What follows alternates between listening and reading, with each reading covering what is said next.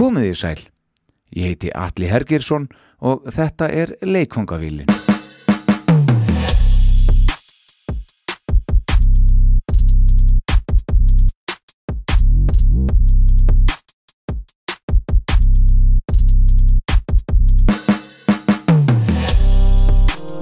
Við erum komin að Jónsmessu númið nýju.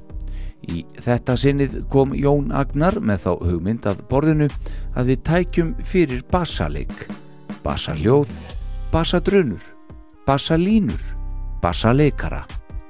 Af nægu er að taka eins og venjulega. Bassin gerir oft svo ótrúlega mikið fyrir þau lög sem við hlustum á og stundum rýfur hann þau reynilega upp eins og enginn sem morgundagurinn. Það kemur fyrir að við áttum okkur ekki einu sinni á því hvaða er sem er að gera fyrir okkur lægið. Er það söngvarinn? Er það gítarin? Eða trommuleikurinn? Nei, stundum er það bara barsinn. Í þessari nýjöndu Jónsmessu skoðum við nokkur vel valin dæmi af bassaleik og bassaljóðum sem við Jón Agnar erum samálaðum að við gert svo mikið fyrir þau tóndæmi sem við heyrum hér í dag. Það er Budweiser Budvar, tjekkneskur og 0,0% bjór sem færir þér leikvangavillina.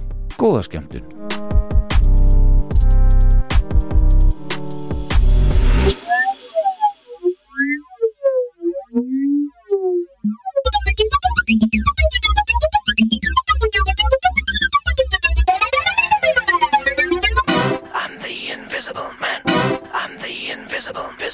Invisible, man.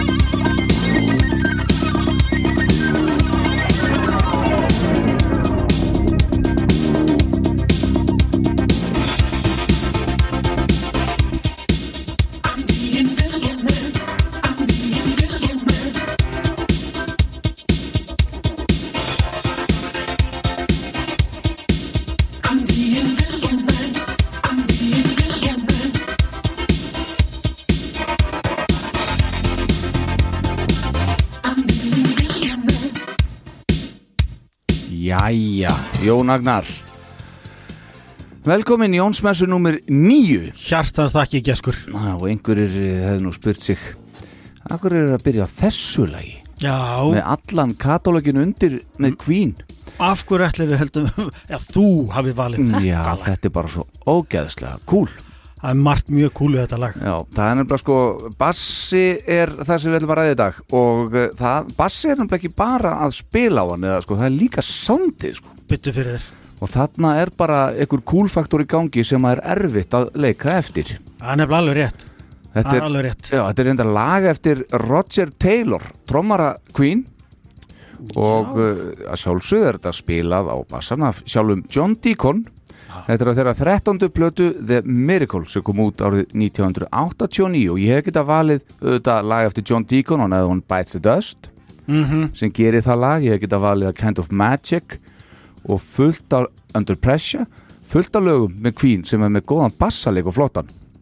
En ég valdi þetta að því að mér fannst þetta bara eitthvað cool Það er gríðalega kúl bassalekarinn í þessu Já. Bassaleikurinn í þessu ætla ég segja og leikarin sem, Leikarinn. sem, sem hann var allavega Já, en hann hefur bara, sko, eftir að Freddie Mercury dó þá hefur John Deacon aðeins komið fram þrís á sinnum og öll skiptin með Queen Mhm. síðasta skipti var árið 1993 þegar að uh, Elton John sáum að syngja að ég held á okkur um tónleikum að það hmm. Og hann hefur bara ekki snert bassa síðan. Uh, Dauði Freddie Mercury kom uh, mjög svona illa við hann og hann bara sagði skili við þetta kvínu þetta ennþá að í dag. En En- John Deacon hefur ekki spilað síðan 93 síðan 93 Þetta vissi ég ekki. Nei. Ég reyndar fylgist nú ekki kannski veist, þannig að mjög grant með Queen en þetta kemur nú samt að svo vart Já, þetta gerir það. En lagið var velvalið Já, er það ekki? Jú. Já, þetta er svona unusual suspect, myndi ég segja Já, ég man samt sko aftur og þetta nær aftur, þú veist, aftur um mörg mörg ára ára tíu að ég ég hef aldrei, aldrei verið harðu Queen maður þannig lagið, Nei. en frá því þetta lag kom út þá fannst mér alltaf fellega töff. Já, Mér fannst bassaleikurinn mjög cool og svo þykir mér gítarsóluðans Brian May skrambi flott í þessu já, óheðbundið og algjörlega. flott. Þetta var reyndar tóltómu uh, mixið af þessu lagi en samt sem aður þá er það mjög cool líka í orginalnum. Já, já, já, uh, En hérna, uh, einhverju hefur nú haldið þeir sem þekkja til allavega að uh, þetta málefni var eitthvað frá mér komið en það er ekki svo. Þú Nei. velur þetta allt saman í Jónsmessu. Já, það er alveg rétt. Sko, við þetta förum opbóðslega vítt um svið. Mm og við munum gera það í dag. Já, já, já, og ætlum að veist, fara, út um allar trissur. Við getum náttúrulega hendi nokkur síson mm af hérna eh, bara þátt, bara, bara hlaðvarps þáttum um, Já, já, um bassa, bassaleik hljóðfærin, allt, allt fram til göttum Við ætlum að stikla á mörgum flottum steinum í kvöld mm og spila bara alls konar músík. Héðan og þaðan, þar sem þessi þáttur dægurlaga, það er að segja bassa hljómurinn mm er í öndvegi og við höfum valið lög sem, sem við myndum kalla lýsandi dæmi um mjög cool bassa hljóm. Já, ég, akkurat og ég líti á þetta svo að hérna, ja, ég, ég, eins og við komum inn á áður, ég veit ekki hvort það sé þannig í dag en ég býst við því að ég sé fyrir mér, að ég, allavega ég er að, að einblýna svolítið á bassa leikara, Enda eitt slíku sjálfur. jú, og eitthvað svona sem að, sem að ég fæ alveg svona goosebumps með, með að hlusta á sko Sjálfsögum. Uh, Ég get alveg trúið að þú sért með annað teik á bassan, að því að bass er ekki bara bassin hljóðfæri, það er alls konar hljóð sem gerir bassa Akkurat. Þannig að hérna, þetta gæti orðið svolítið spennandi og, og, og þess vegna svona uh, út og suður og út um allt. Ég held nefnilega þó við séum að einskora þetta við tiltekin hljóm eða Mhm. þátt í lögum, Já, þá erum við samt út um allar grundir með lagaval og annað slíkt sko. heldur betur. Og yngum ætti að liðast. Og ég held að hérna, að því að ég spurði þarna í einhverjum uh, svona messenger skilabúðum fyrir upptökur af þessum þætti hér, hvort þú ættum að hafa hvað, 850 lög á mann? að því ég veit ekki hvað ég á að hætta, ég held sé- ég er með hátt í 20 bassaleikara sem ég er ekki að snerta. Nei, það er nákvæmlega. Akkurat, þannig að hérna, það þyrfti að vera annar þáttur svona, þannig að ég komist nokkuð vel frá þessu. Jájá, og hérna uh, mér langar að því að ég uh, veit hvað þú ert með mörg lög mm -hmm. uh, ég veit hvað ég er með mörg lög. Þannig að þó svo þetta hefur verið fyrsta lagið þarna í dag þá ætlum ég að, að samt að fá að skvísin fyrsta laginu í þessu sessjoni hjá okkur. Já, þó það nú væri Þú ert nú eins og bassalekarinn hérna í húsinu. Í áti máta. Akkurat, ég ætla að fara til Kanada og fyrsta lagið sem við ætlum að, að heyra svona í skipilegri dagskrá hér það er með hljónsveitinni Loverboy. Já, uh, Scott Smith heitir hann uh, sá sem spilar þetta lag. Hann er 26 ára gamall þegar að þetta er tekið upp. Uh, kom út á fyrstu breyðskifi Loverboy árið 1980 og slóð þetta auðvitað svaðalagi gegn út um allan heim. En Scott Smith hann hvarf árið 2000 eh, þá 45 ára cirka þegar hann var við einhvers konar skemmti siglingu á samt vinum sínum eh, rétt við strendur San Francisco bara eiginlega við Golden eh, Gate brúna. Bara við flóan, já. Já, þegar að einhver alda kom á, á, á, bátinn eða skipið eða hvað það var og hérna reyfan með sér útbyrðis og þrátt fyrir umfangsmikla leit þá hefur hann bara ekki fundist ennþá var því fljótt talin af. Já, og þetta er eitthvað sem ég hef sagt, sagt mörgusinu frá og, og ég ætla að vona þeir sem að hérti þetta áður sé ekki hún leiður á þessu. En þetta er lægið sem ég heyrði sex ára gamall þá árið 1985 mhm. Og ég hugsaði hvaða hljóð er þetta? Já, ég man hvar ég var. Já, sko til. Hanna bara er, er, er fræjum bassaleiksins sáð í frum bernsku akkurat, einhverju haldið að það hefði verið Gene Simmons eða eitthvað, nei. Ekki voru svo. Scott Smith. Já, og blessu sér minning hans. Akkur, blessu sér minning hans. En uh, hann gjörsanlega á þetta lag skuldlust sér í lagi byrjununa, verðum að heyra hana Törmi Lús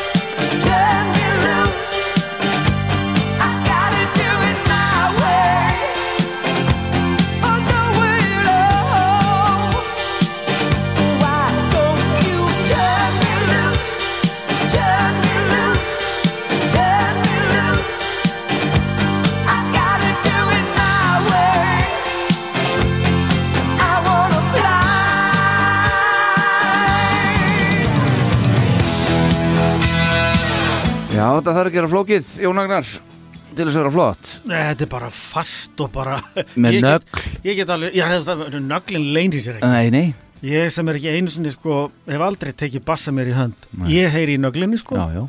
og það er nú ekki skrítið að, að sex ára allir hafi hugsað með sér já, heyrðu, þetta er eitthvað. Já, þetta var bara eitthvað að mesta síðan heyrt. Og svo er ég náttúrulega, ég hérna, veit ekki með hlustendur en hérna, nú ætlum ég ekki að hérna, vera að gera eitthvað mikið úr mér en ég veit ekki hvernig er með hlustendur en, ég næja einangra bassa svolítið því ég er að hlusta. Kona mín segir að ég, sko, að ég get aldrei sungið með lögum ég kann aldrei texta og alla laglínur en ég syng með lögum eða uh, syngja bassalínuna. Já, hún gerur oft grína mig með þetta. Þannig að ég veit ekki hvernig með ykkur ég ætla samt að ég, ég skora okkur kæru hlustendur að svona reyna eftir fremsta megni, hlusta hana þátt með headphonea og reyna eftir fremsta megni að einangra bassan og heyra það sem við erum að tala um hér í dag, Akku, þetta er góð er það ekki? Jú, jú. Herðu, þá er það bara fyrsta lag af uh, þínum katalóg, Jón. Yes, hvað ætlar að fara með okkur í? ég ætla að fara aftur í áttuna. Já, Við vorum nú í áttunni, átta, 1980 sagður jú, já, Við erum fyrir til 84 ok. Þess fróma árs. Mm Þá gefur svo öndvegis hljómsveit Talk Talk út sína aðra plötu. Já, Hún heitir It's My Life og er aldeilis frábær plata. Þetta er bara grund og allar verk af öllu betra efni í áttunni. Ef eitthvað segir best, bestu plötur 1984 þessi kemst á þann lista, þó að verið þröngulisti. Bestu plötuna frá 80 til 85 já, ég hugsa að ég geti sett þessa plötu líka á bara grundingum lista yfir áttuna frá 80 til 89, 90 og hvað það er. Já, bara eins og megnið af plötum þessara sveitar fjórar af fimm plötum sem tók tók auðnast ekki út, kom út í áttunni. Það er kæmust meira að minna allar á þann lista. Þetta er bara þannig hljómsveit. Það er áhugavert þetta sem þú varst að nefna með að þú hummir eða freka með bassalínunni heldur en því sem söngvarn er að, að bartúsa Mhm. Sko, ég er ekki læriður á strengjalöfur eins og þú, ég lærið á píanó í þó nokkuð mörg ár. Og framan af þá sá ég sko tónlist það sem það sem svona í daglegu talið kvöldu rín tónlist með takti og öllu þessu. Ég sá sko að ég hugsa þetta í hægri og vinstri hendi. Mhm. hægri hendin þegar þú ættu píanó eða við hljómborð hún er í rauninni melodíana stofnunu til. Vinstri hendin stýrir eitthvað skona bassalaglinu Mhm. Og hendi sko hugsa ég þetta aldrei eins og sko sam uh, melodíu og bassalínu væri alltaf daldið eins og sko bassi er áinn eða farvegurinn og melodían er báturinn sem sko flýtur ofan á um mitt og svo, þú veist, melodían er melodían og hún er það sem kannski flestir hafa augu eða eiru á Mhm. en bassin er samt sko farvegurinn og melodían fer bara þangað sem farvegur er stýrir honum Mhm. ég sá þetta alltaf aldrei svona ofan á og undirleikjandi þanga til að ég datt aldrei inn í þessa plötu að því bassalegur Paul Webb sem eh, bassale, er bassalegar í dag var bassalegari tók tók þanga til að svo sveit svona laðist eila af 91 eða 2 í kjálfar síðustu plötunar Laughing Stock. Hans bassalegur er í svo miklu öndvegi á þessari plötu sérstaklega og jafnvel sérstaklega sérstaklega í þessu lagi að þetta er ekki bátur á ströymi, þetta er eiginlega bara tveir einhverju guttar sem eru höndi í hönd að hlaupa, þetta er svo algjörlega á sama leveli skilur akkurat. Það er bara, þú veist melodía byggist allt upp af svona hérna af svona einhverjum syndagusum og, og, og því um líku og þetta himnesku rætt Mark Hollis heitins, söngvara yfir þessu öllu. En bassaleikurinn, hann er ekki undirleikjandi, hann er bara órjúvanlegur hlutilíku við bara melodíunar Mhm. Og þetta er unaslegt bassalag hvort sem heldur er í erindunum eða brunni eða viðlæginu og þarna get ég verið sammálað þér. Ég syng, eða humma frekar bassalínuna í þessu lagi heldur en vókalinans Mark Hollis að því bassin er bara algjörlega ómótstæðilur meira sér fyrir, fyrir einhvern veginn svo mig sem aldrei hefur tekið sér bassa í hönd. Þetta er bara einhvern veginn svo fullkomin samþækting bassans inn í lagið ekki kjölfesta heldur bara þilfarið til japs við melodíuna og þetta lag sko, þetta lag náði á sínum tíma ekkit sérstökum vinsældum. Þeir fóru árið 84 þetta, þetta lag ekki út á smáskifu ég held að fara í 40 s- sæ- efst í, á enska listanum efst í sæti 46 ég bara, sko ég hefði haldið fyrirfram já, já þeir hljóta nú að hafa komið ykkur á lista hátt af þessari plötu því hún var heilt yfir bara býsna aðgengileg en ó nei, sannast þar hið fornkvæðin að enginn er spámaður í eigin heimalandi sko Mhm. og þeir gáðu þetta út aftur ekki svo ég muni eftir því í rauntíma 85, en þeir gáðu þetta aftur út árið setna og það gekk enn síður því að það komist í 1903 svo árið 1990 þá kemur út best of plata með hérna með, skal ég þér segja, Talk Talk sem heitir Natural History. Þá, sex árum síðar er eins og mannskapurinn sé aðeins farin að kveikja því hvistlas reygin snild þetta er og þá komst það í 13. seti. En Paul Webb fer á framúrskarandi kostum í þessu lagi og nú legg ég til að þú slökkur í hljónumannum mínum því ég ætla að humma með þessu lagi.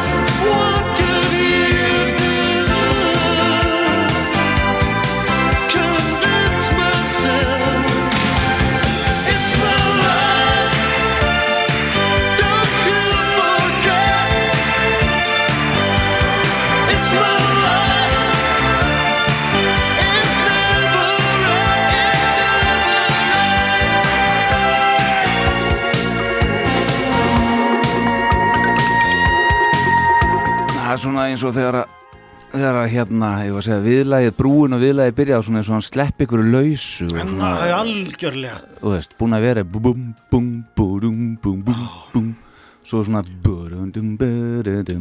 og svona, ah, það losnar eitthvað og sko það að geta farið í þessa fléttur og látið að ganga svona ofbóðslega vel upp innan ramma hljómsins Já. en ég finnst þetta bara galdra sko.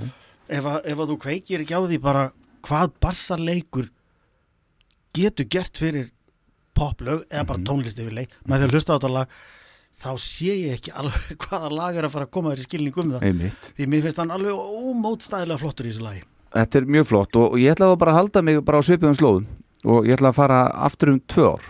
Það er þó 1982 mm þá gefur hljómsveit út plötu sem þeir skýra Ríó.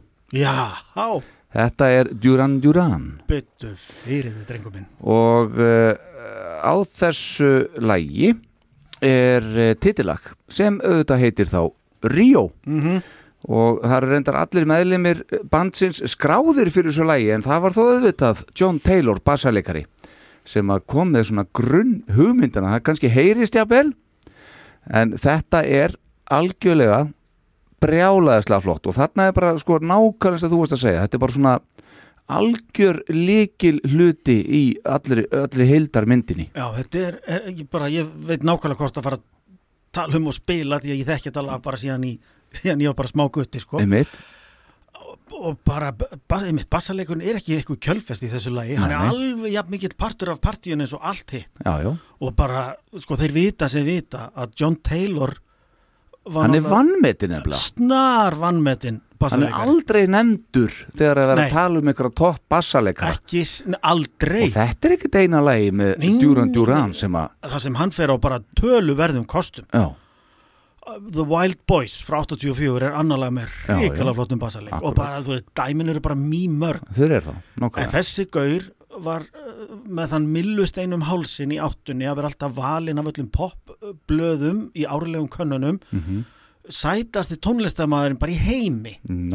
Er bara, í og ykkur Le Bon var hann með? Já, hann var held ég, ég held að sko í, í grínlaust, í ykkur þrjú ár í, ég man ekki Melody Maker eða ykkur blaði. Mhm. eða Smash Hits kannski, sem var hann ennþá popparabla Mhm. og John nummer 1 George Michael nummer 2, Simon nummer 3 svo rótaðist þetta eitthvað til og ég man að Nick Rhodes, hérna hljómbórsleikari í Duran, hann var svona ég man ekki 5, 6, 7 og Roger Taylor trommari 7, 8, 9 Mhm. en Andy Gray, hann kosti ekki á top 10 Nei, nei, einmitt þessu, þessu fylgdist maður með þegar maður var ennþá með augun á Duran Já, já, og reyna að finna hárgrísluna sína aðeins. Hvað þú vildi stikka við? Byttu fyrir þér. En við skulum hlustum hérna á John Taylor og, og hlustið nú aðeins á bassalekin hjá þessum gæja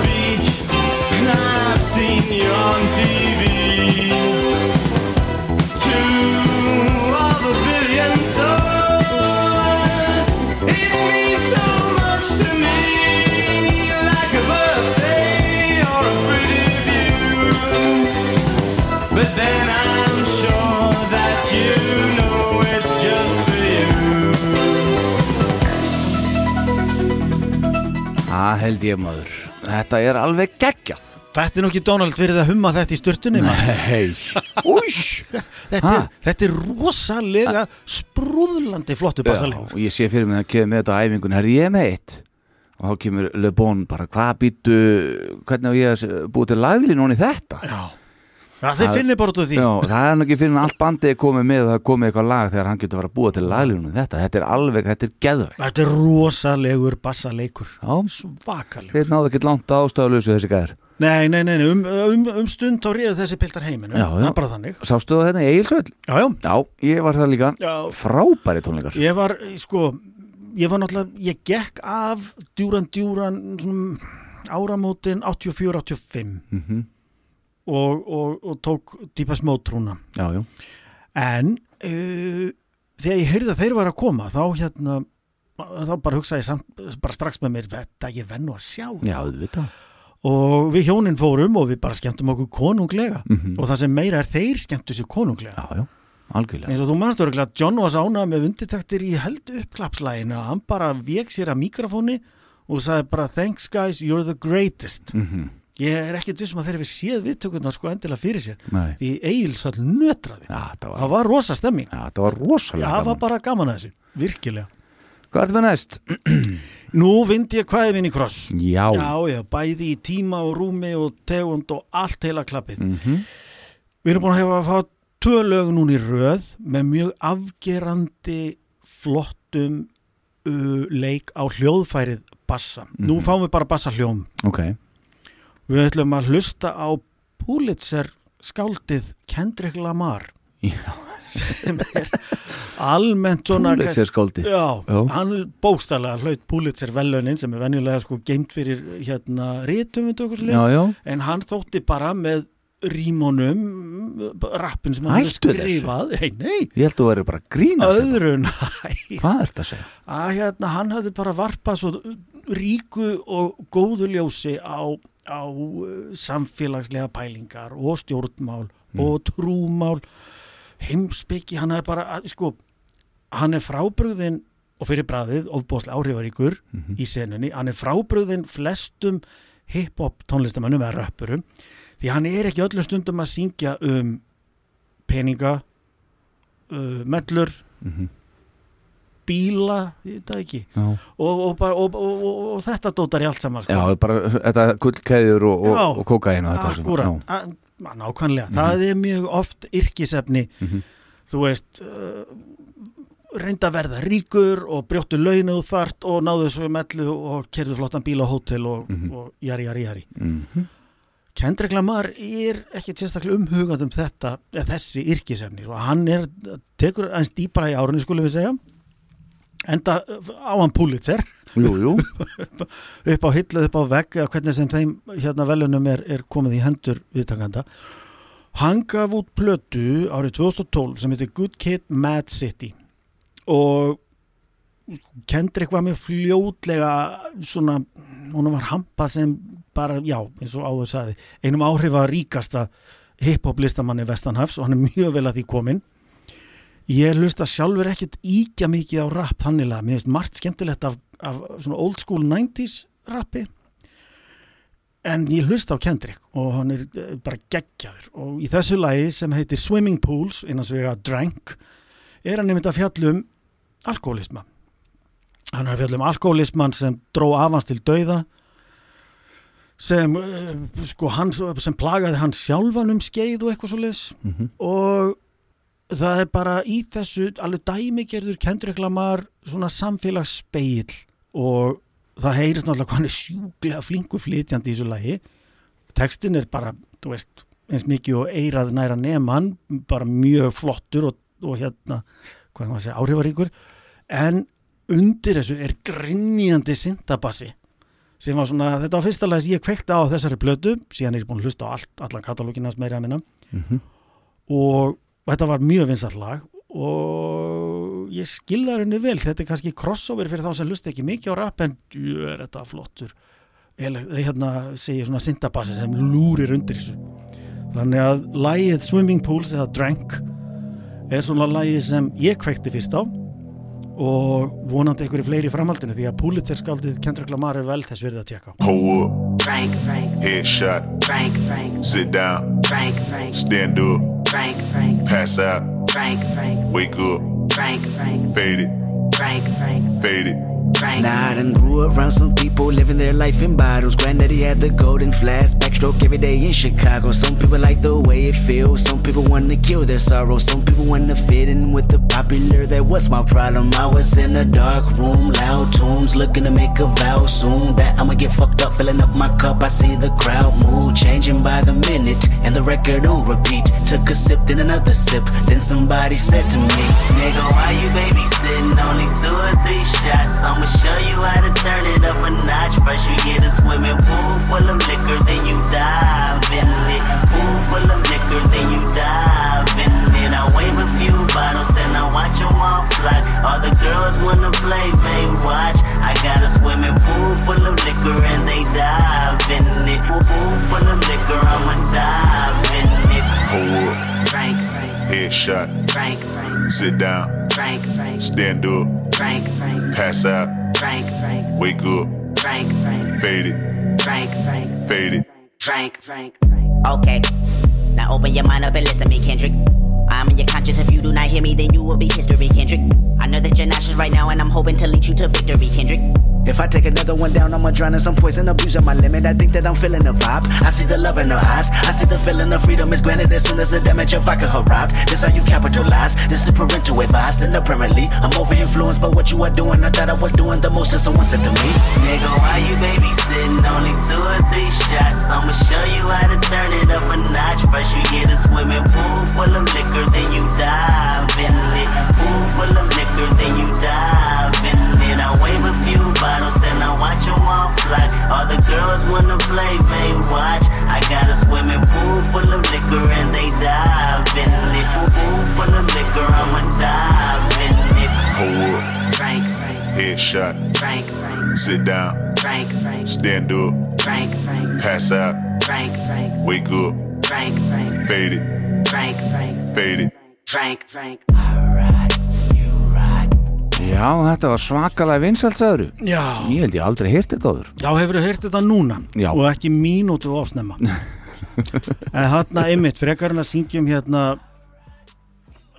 þú veist, ég skaut hann í klessu, og já. hórun hans og svo við já, á hótel og eitthvað bleð Einmitt.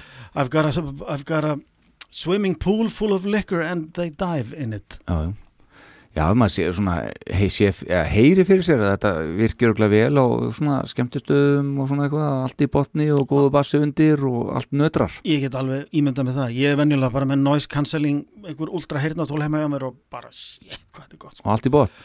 Í svona því sem næst svo fremur sem ég ber ekki alveg skada því sko en já. Að sko bassi verður helst að vera komið til skila í góðum Já, ég veit það sko. svolítið hátt Þess vegna líka var ég að segja á þann að endilega að hlusta á þetta með headphone sko. Já, það myndi ég nú segja ef, ef þess er eitthvað kostur. Ójá, Herðu, þá höldum við áfram og uh, við förum í, til ársins 1997 já, Já, og þá er þá cirka fimmar gamalt band sem gefur út sína aðra plötu, aðra breyskifu sem þeir kalla Science Þetta Já. er hljómsett sem ég sé á tónleikum reyndar, hita upp fyrir annað band sem við heyrum mjög eftir, það var í uh, New York árið 1999 þá sá ég þetta band uh, Incubus. Akkurat og uh, þetta er tekið af þeirri blötu þegar þeir voru ennþá góðir sko, myndi ég segja. Ok, ok þetta er hálfgjör fróðaði dag myndi ég segja, en sko málið er það að bassalegarinn sem er á þessari blötu þarna og reyndar á, á blötu, fyrstu blötun líka og að ég held líka minni mig eftir þessari allavega Já, heitir Alex Katunic og hann er hættur í bandinu hætti árið 2001 eh, 2001 2003 cirka, mann ekki alveg. ok. Upp á aldamótum út af einhverjum ósáttum og, og hérna og ég myndi segja að Incubus þeir hafa bara einfallega ekki verið þeir sömu síðan Já, þú meina þeir hafa bara ekki borið sitt bar síðan hann fór Nei. Í, þú meinar og hvað hva það þýðir sko, ég upplifði þetta svoleiðis allavega sko, ekki það að hann hafi verið að semja andlega svona mikið en hann allavega setti sinn svip á lögin mm -hmm.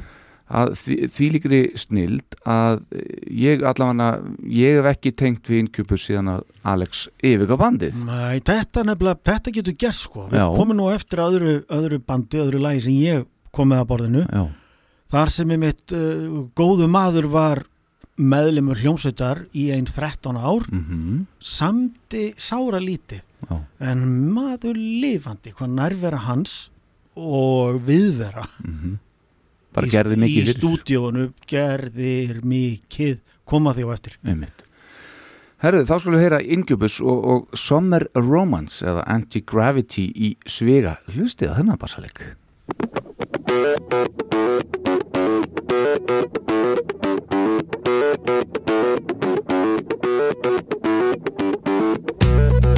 I'm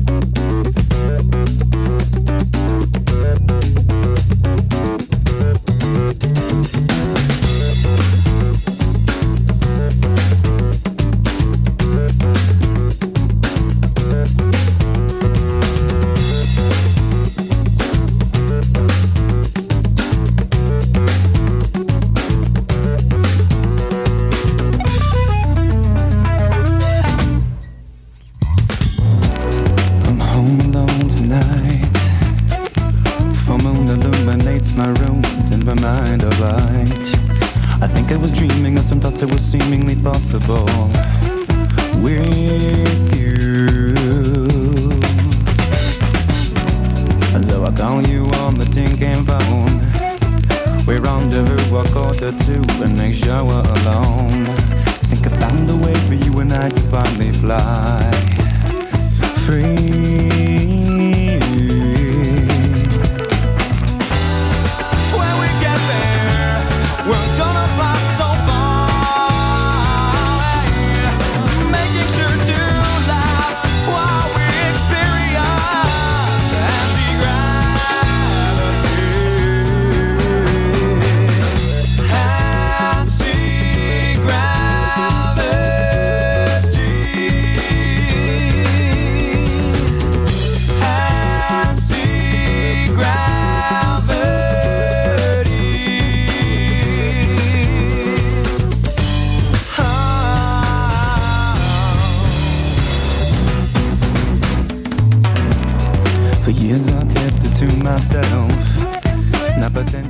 Er silki mjúkt maður. Þetta er flæðandi silki mjúkt Já, og það er nú komið nokkuð sinnum fram í hérna í þessum þáttum okkar að að rétt fyrir aldamóti síðustu þá var ég að vinna í plötubúði kringlunni. Já, já, já. þegar þessi kom út við mókuðum henni ég skal trúa því. Þessi og, og þá gamli eldra efni Enjoy Incubus mm. einn, Já, hreyfðist eitthvað líka en svo kom Make Yourself eftir þetta með mig ég man bara þessi Já, þetta er bara þeirra við, við náðum ekki að halda inn í hillunum sko, hún bara spýttist, spýttist út. Já, svakalega góð plata og bara öll lögin einhvern veginn eru fyrir, utan einhver, einhver nokkur einhver mínútu innslög þarna sem er, er ekki lög. Já, já, já, en, annars, en annars eru bara öll lögin á þessar blötu bara og sándið þetta sko, mm Mhm. á basanum, frábært. Já. geggjastöf, já, já, Jón áframhöldu við Yes, erðu nú, áðan vorum við hérna með Kendrick og bara svona rafdrinjandi hljómundir, Mhm. það var bassin þar. Nú förum við bara í eins reynræktaðan bassaleik og hann gerist. Ok, og við ætlum að hitta fyrir Íslandsvinnina The Stranglers. Já. Þeir komu hingað og heldur víst býstna áhrifaríka tónleika, ég held 78 frekar 79, Mhm. langar að segja 78 ég hef virt marga sem eru svona aðeins kannski eldri en ég tala um það að ég hef nú séð mörg gigginu mína daga en Stranglers voru störlaðir sko. Mm hafi verið, þetta hafi verið býstna góðu tónleikar uh, Lægið sem ég valdi til þess að sko sína alltaf fram á hversu flinkur hinn franski bassaleikari The Stranglers Jean-Jacques Burnell eða J.J. Burnell er er titillægið af þeirri stórgóðu plötu La Folie frá 1982 Lægið La Folie hefur reyndar alltaf sko það eru, það eru nokkri hluti sem einhvern veginn kannski geta tekið aðtegli fólks frá læginu sjálfu. Í fyrsta lægi er það vídeóið sem fylgdi læginu er bara aðgengilegt á YouTube. Það er tekið í París um miðjan nótt mestanpartin og byrjar skemmtilega á hennu löngu tröppum sem liggja frá henni opbóðslega fallegu kirkju Sagri Kör eða kirkju hins heilaga hjarta þar sem þeir lappa sem sagt niður Hugh Cornell hérna söngvari og Sjansak Burnell sem flytur þetta lag. Hmm. Hugh Cornell syngur það ekki.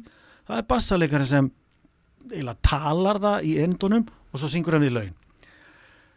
Og það komst í hámæli með fljótlega eftir að myndbandi fór í spilun á MTV og víðar að Hugh Cornwell, hann er nýbúin að ef ég man ég hafi lesað það rétt reykja heroin ég, ég er ekki nú fróður í þessum fræðum til þess að vita hvernig það fer fram. Mhm.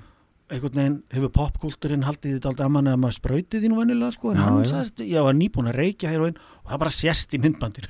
Hann er alveg hann er að reyna að skinja bara hvað hann er líka, hann er aldrei svona hissa þegar, þegar hann á að líta á Sjansjak Börnell sem svona þú veist, mæmar bara einhverjar talaða línur. Já, já. Cornell er alveg eitthvað starf annars þar, hann pínu skondið að sjá. Það er eitt, annað er síðan viðfangsefnið, Mhm. La Folie er sem sé franska og þýðir geðveiki eða brjálsemi.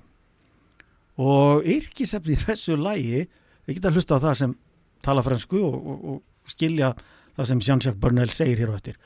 En þetta er sem sé saga af Japana sem hétt Issei Sagawa og Sagawa blessaðar, hann var aldrei mikið lasinn á andlega sviðinu. Hann fór til uh, Parísar í Sorbonne háskóla til þess að læra og lesa ljóð og slíkt en hann innra með honum bjó sem sagt einhver, einhver geðbilun og hann var, hann var lítill vexti 1.45 sko, hann var sæll. sko og fannst hann sjálfur frekar ljótur eitthvað slags og beit það í sig hann var nú greinlega þegar að sko menn gáða að búin að vera hálf, hálf trublar á öllum sínum vitsmunum frá því bara í frum sko.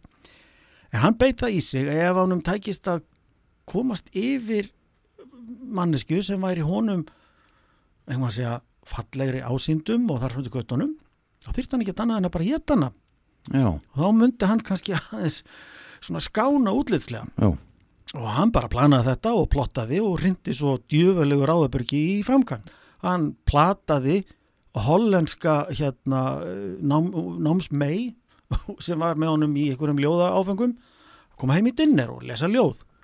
Svo þegar þau eru byrjað að borða þá bara beður hann um að hafa sig afsakað menn hann fyrir afsýðis, næri riffil, kemur aftan að henni og svo skýtur hana.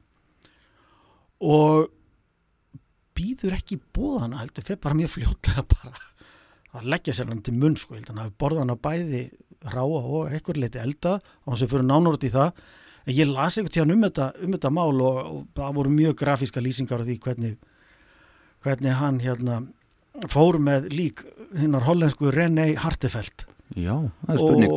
Hverri fleiri voru að reykja heroin hann ég, ég held að hann hafi verið allskáður hann var bara alveg snar geðpilað sko. Og, og þannig gekkum eitthvað, í einhverja daga þangað til að, að hérna, matfengin hans fóru að skemmast. Þá þurfti bara að hluta þau niður í einhverja poka og, og henda þeim í tjörn í hérna, í, í hérna almennisgarðinum Boulogne Mm. og hann þurfti að fara einhverja tvær allavega, eða ef ekki þrjár ferðir og hann er gómaður á löggunni í eitt skipti og þá kemst allt saman upp Mhm. En framhaldi á sögunni það, hann er náttúrulega hérna handtekið og réttaði yfir honum og, og sálfræðingur ekki lengi að finna út að hann er eiginlega ekki sakafir því hann er svo sprúðlandi galinn sko. Mhm. Þannig að Japanir hérna sko falast held eftir, eða hvort að frakka bara vildi ekki hafa þetta þennan vitfyring lengur sínum höndum og senda bara til, framseljan til Japan. Nema hvað, þar er hann náttúrulega settu beint á geðugræli en það er eitthvað, eða var allan á þessum tíma, þetta er snemma í áttunni sem þetta allt á sér stað sko. þá uh, kemur í ljós að ykkur frönsk lög heimila ekki að ykkur réttar gögn eða eitthvað svoleiðis megi fara úr landi þannig að slingir lögfræðingar Issei Sagawa sem voru tilkomna því pappi umræts vitverings var, var vell auðu sko. svo hann fikk bestu lögfræðingarna sem völ var á þeir sögðu, heyrðu, nú sittur hann hérna í, í, í, á einhverju geðvikrahæli uh, getið sínt fram og af hverju hann á að inn á geðvikrahæli frakkar mátt ekki senda gögn Mm. svo Issei Sagawa einhvern tíman árið 1985 nei 6 held ég þá bara útskrifaði hann sig sjálfur á geðsjúkrahúsinu í Japan og lifði til 2016 að með minni, þá lést hann komin eitthvað áleiðis á áttræðis aldurinn Já, hér. Sem er náttúrulega bara algjörlega gaggala gúð. Þegar þú Já, spáir í það já, maður með þessna þennan bakgrunn Mhm.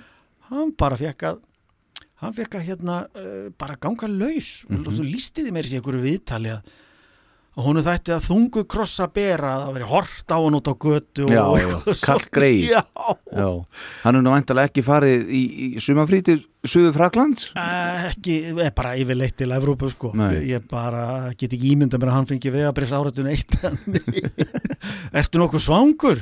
Er bara heim með þig. En þetta sem sé vídeoið með heroinryggingunum Mhm. sem, sagt, sem voru þá nýlega undangengnar og svo aftur uh, viðfangsefnið, umfjöldunarefnið lagsins, hann var kannski stundum tekið pínu frá því að lægið er rosalegt, það er alveg ógeðslega flott. Mhm.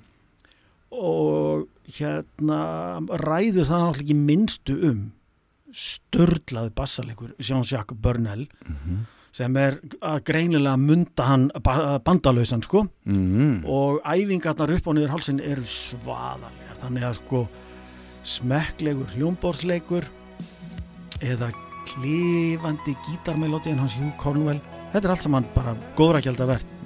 En bassaleikurinn og leikarinn er það sem gerir þetta lag gersamlega. Þannig að uh, maður það bara að vera uh, með La Folie ef maður fattar ekki hennilega hversu gott þetta er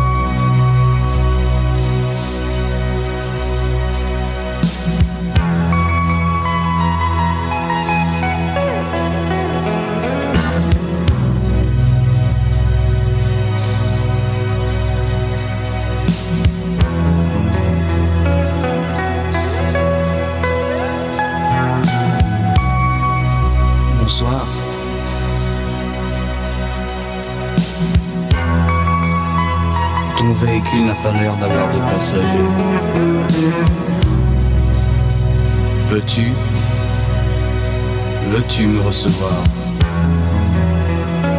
Sans trop te déranger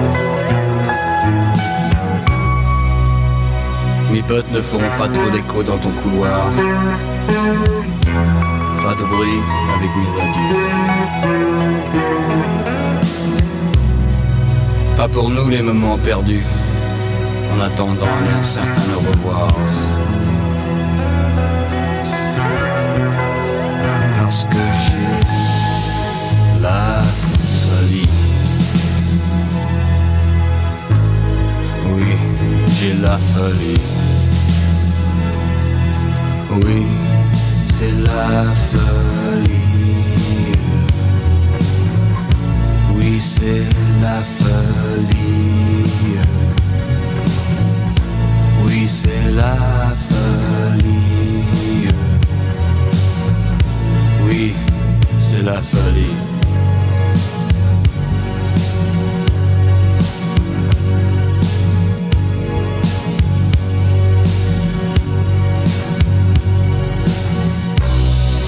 Il était une fois un étudiant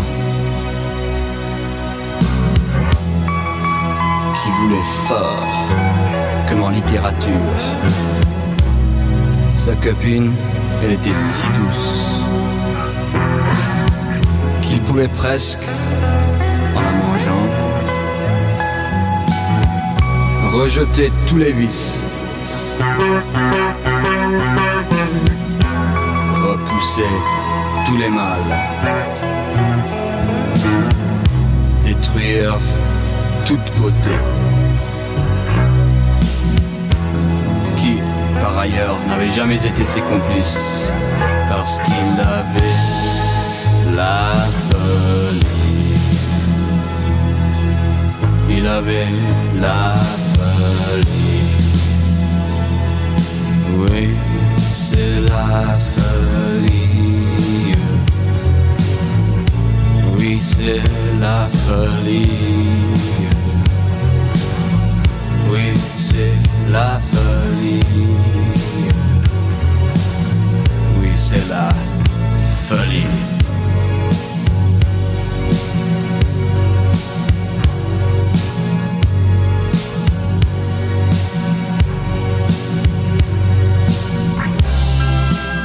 Þetta er, þetta er gott, þetta er, þetta er án efa eitt af svona sérstökustu lögunum sem við komum með í, í þáttin held ég sko Já, og hefum bara En gott stöf rosalegt stöf þó ég segi sjálfur frá Mhm. rosalegt stöf Já.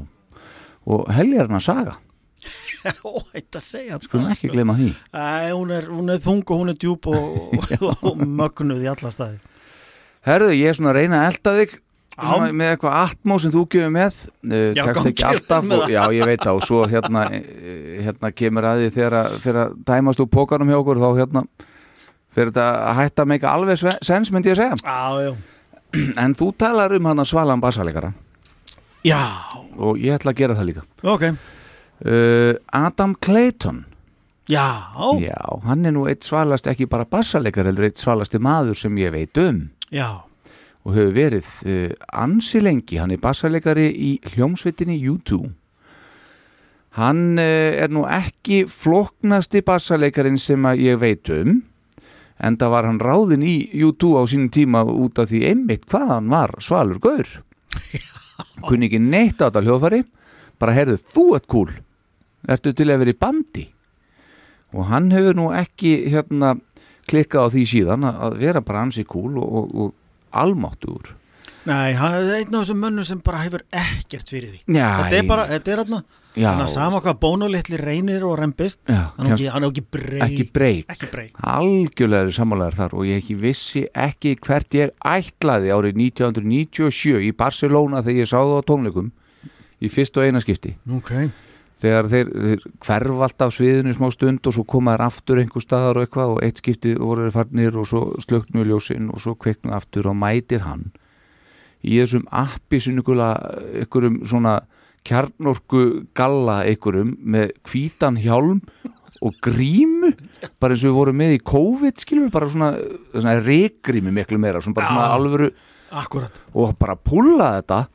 Geðvegt Og hvarlaði, örglega sko, enginn að spáið, ákveðna svona klættur Nei, bara, hvað er hann? Na, Þetta er Adam. Ég fíla þetta. Bara, Þetta er bara, þessi maður er ekki hægt.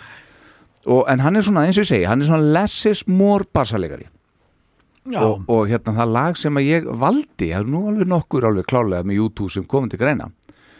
Það lag sem ég valdi e, Það á hann. Bara, Hann samtíða ekki En hann á þetta sökum þess að þetta er einföld og frábær uh, jafnframt ómissandi bassalína út í gegn. Mhm. og ég man ekki betur en þessi eins allan tíman þetta tekið af plötunni Joshua Tree sem að margir segja að sé besta plata YouTube.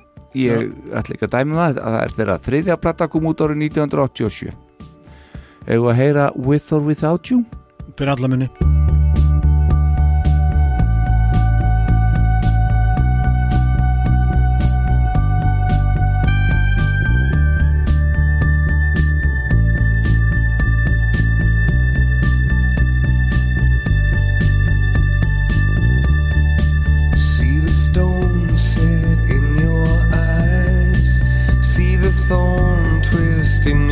side.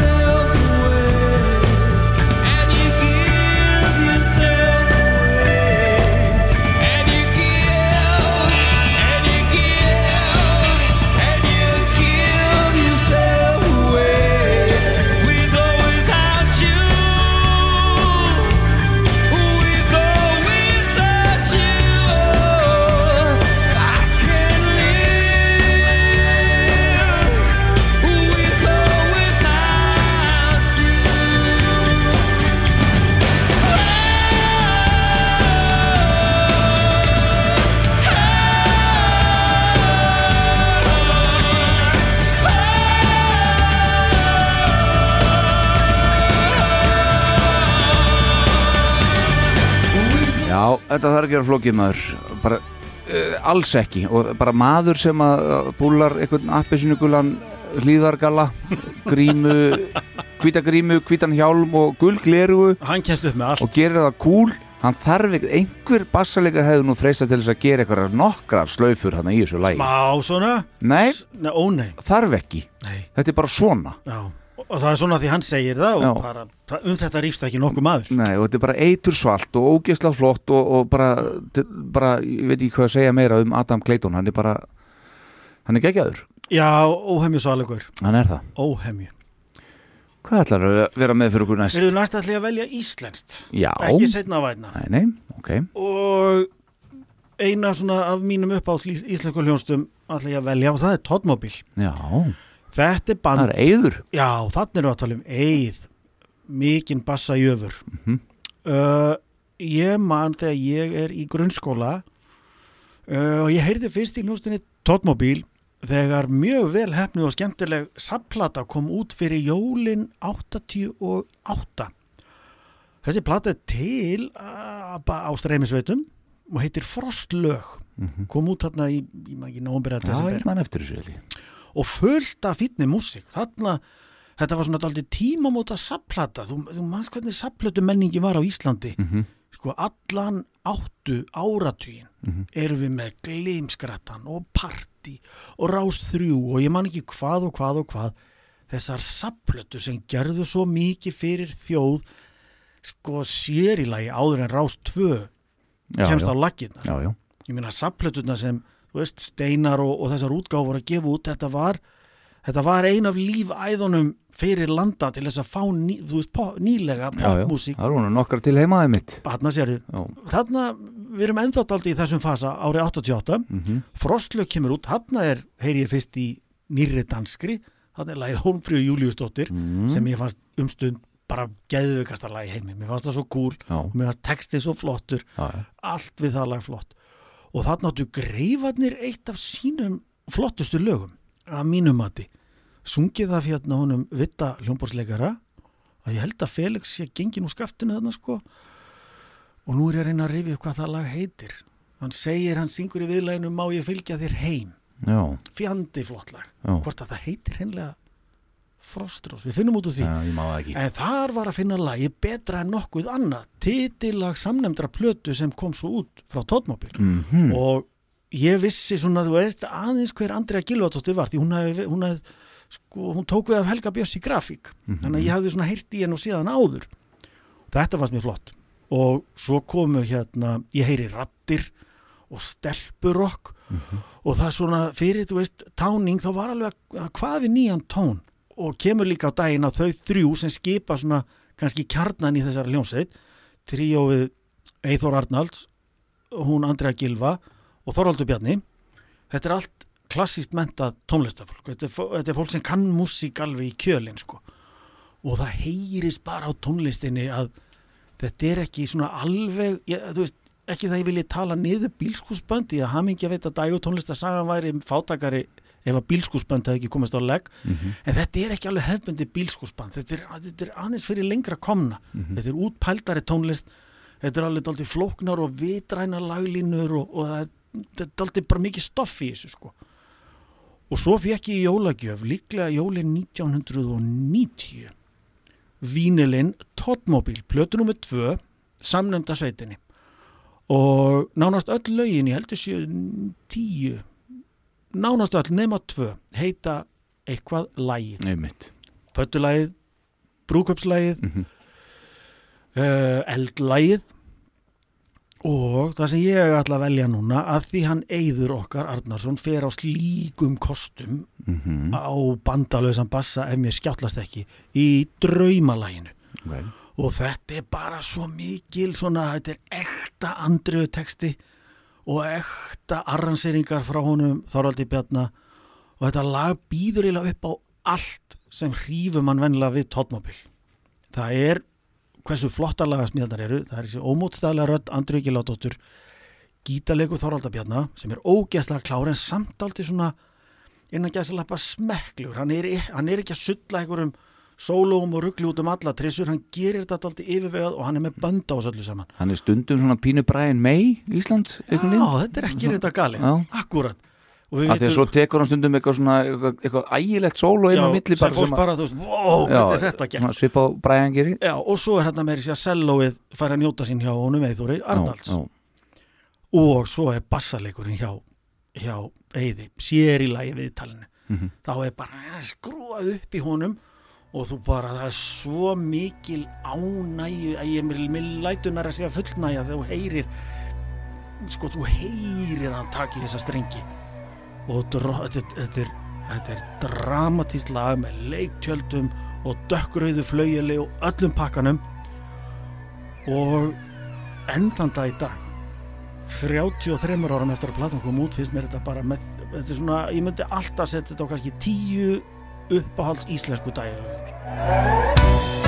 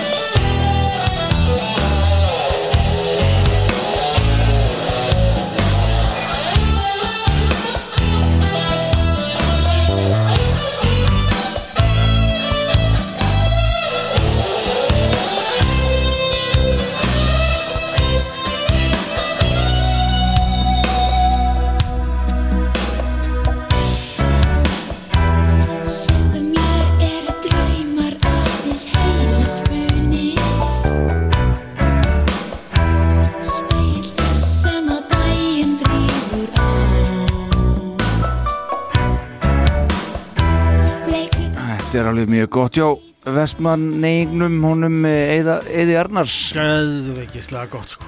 Enda, enda gesari við skulum ekki glema því. En hérna, ég veit ekki hvort sér bandalaus. Þetta er allavega sko, hvort hann ratt þetta eða, eða er til effekt líka sem doblar svona aðeins í áttund. Þannig að ég hérna Á, ok, þetta þekkið þú betur ég. Já. Ok, en, hérna, en þetta er mjög vel gert og, og mjög flott og draumakent enda draumalæð aldur betur. Algjörlega geggjalag Takk fyrir þetta. Mín var ánægðan Þá förum við bara á jallarinn að haldi þig.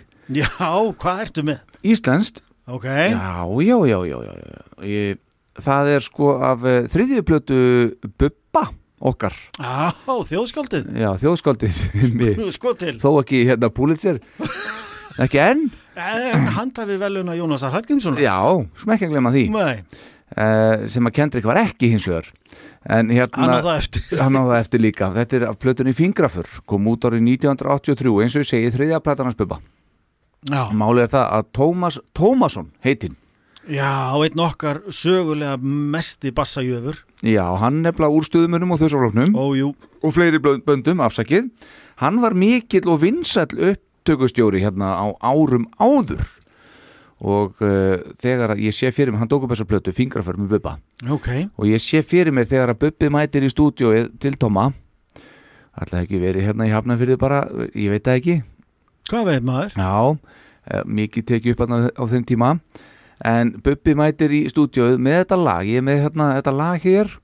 Og, og Tommy hefur hlusta á þetta, nú er ég bara Einmitt. Og, og bara Tommy hefur hlusta á þetta á. Mm ok mm réttu með bassa þannig aðeins.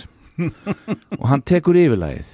Já, Þetta lag er náttúrulega, er þekkt sem bara svona með fullri virðingu sem svona fyllir í svo útilugu vísa í dag.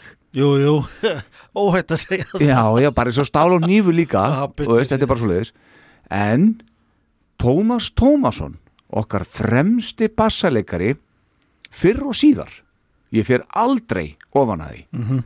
Hann hefur, hann hafði eitthvað ótrúlegt vit á bassaleik. Að það, það kemst enginn þar sem hann er, eða var. Hann tekur þetta lag upp á næsta level.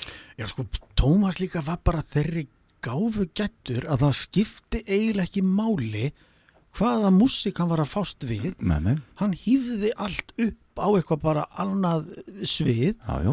Og sko ég í þessu sambandi minni nú á vísnaplötuna sem að koma út hvað 76 og 7 Mm. það sem hann er með Bjögga og Gunnari Þóruðar þetta er náttúrulega ekki, engin smá mannskapur mm að sko að búa til barnalög út um græna grundu og, og þetta dótar allt saman sko -hmm. þetta er svona eins og, eins og allra bestu Disney Pixar teknimyndinar Mhm. þetta er í grunninn er þetta hugsað sem barnaefni þannig lagað. Já, já, en þetta er bara svo ofbáslega vandað að fullori fólk hikar ekki við að tjekka á akkurat. Ég bara, eh, bara fæ kollin minningu sko, ég var á ferðalagi með fjölskyldun í Barcelona í sumar. Já, og einan nóttina gengum mér eitthvað aðeins illa að, að bara festa svepp, bara guðveit okkur svo ég seilist í hernatólin og ég settur þú vísnarblöður á ég setti bara vísnablötnar á. Það, auðvitað bara, þú veist, já vá, það er svolítið langt sér hlusta á það. Ég að þetta, og veistu það, þetta er bara þetta er bara slíkt kvalitetsstöf sko, já, já. og og talandi um kvali hver er að nostra við Tómas Tómasson já, heyrið þarna, nú bara þú veist, enn og aftur, bara ánum við byrjum á læginu mm. ímyndið ykkur þegar Bubbi gefið mig gítarinn og ég er með lag ég er með bassa. Og Tómas segir ég er með bassa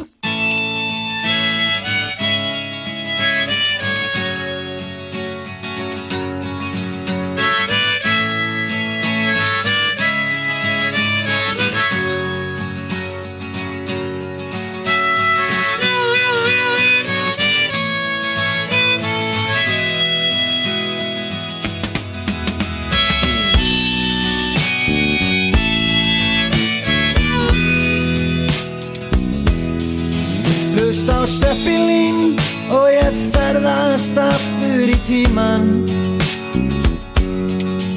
Þú spyrð mig hvar er gimsteinnin í augum þínum ljúan Svitin perlar á brjóstum þínum þú býtur í nóan Þú flýgur á brott með syndum mínum svartur afgan Ég elska þig svo heitt að mig sundlar og verkjar Í faðmið þínum þú lætur mig finna til sekta.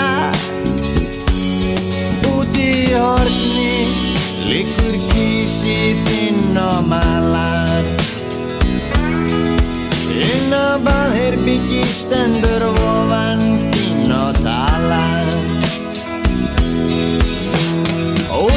Hamast regnið við að komast inn til þín. Ég skrýð undir sængina, heyri hvernig stormurinn hvín Drottningin með strísbákana sína býður okkur inn til sín. Hún sýnir okkur inn í sólina, segir að sólinn sé sín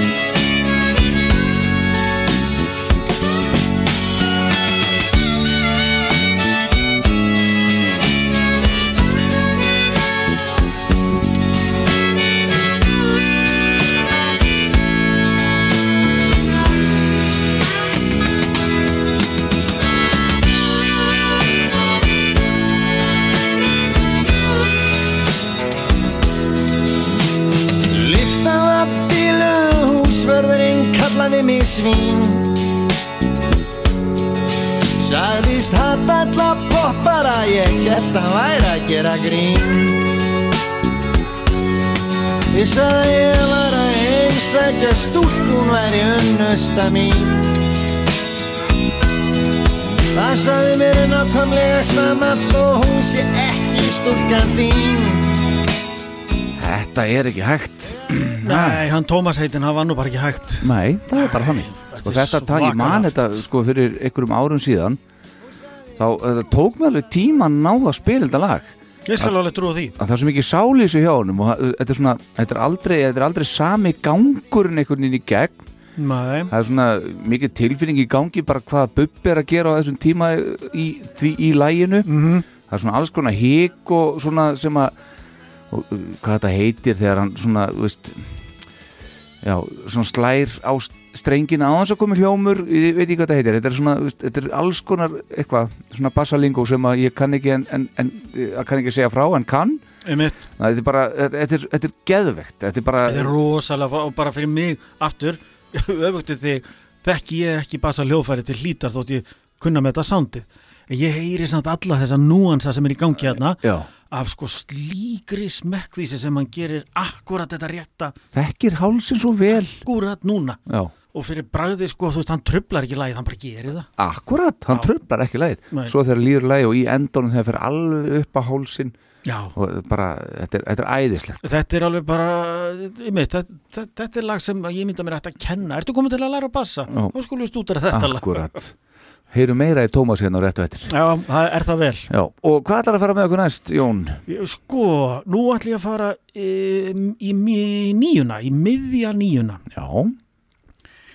og hér hittum við fyrir eitt af höfuð skáldum popsögunar, David Bowie.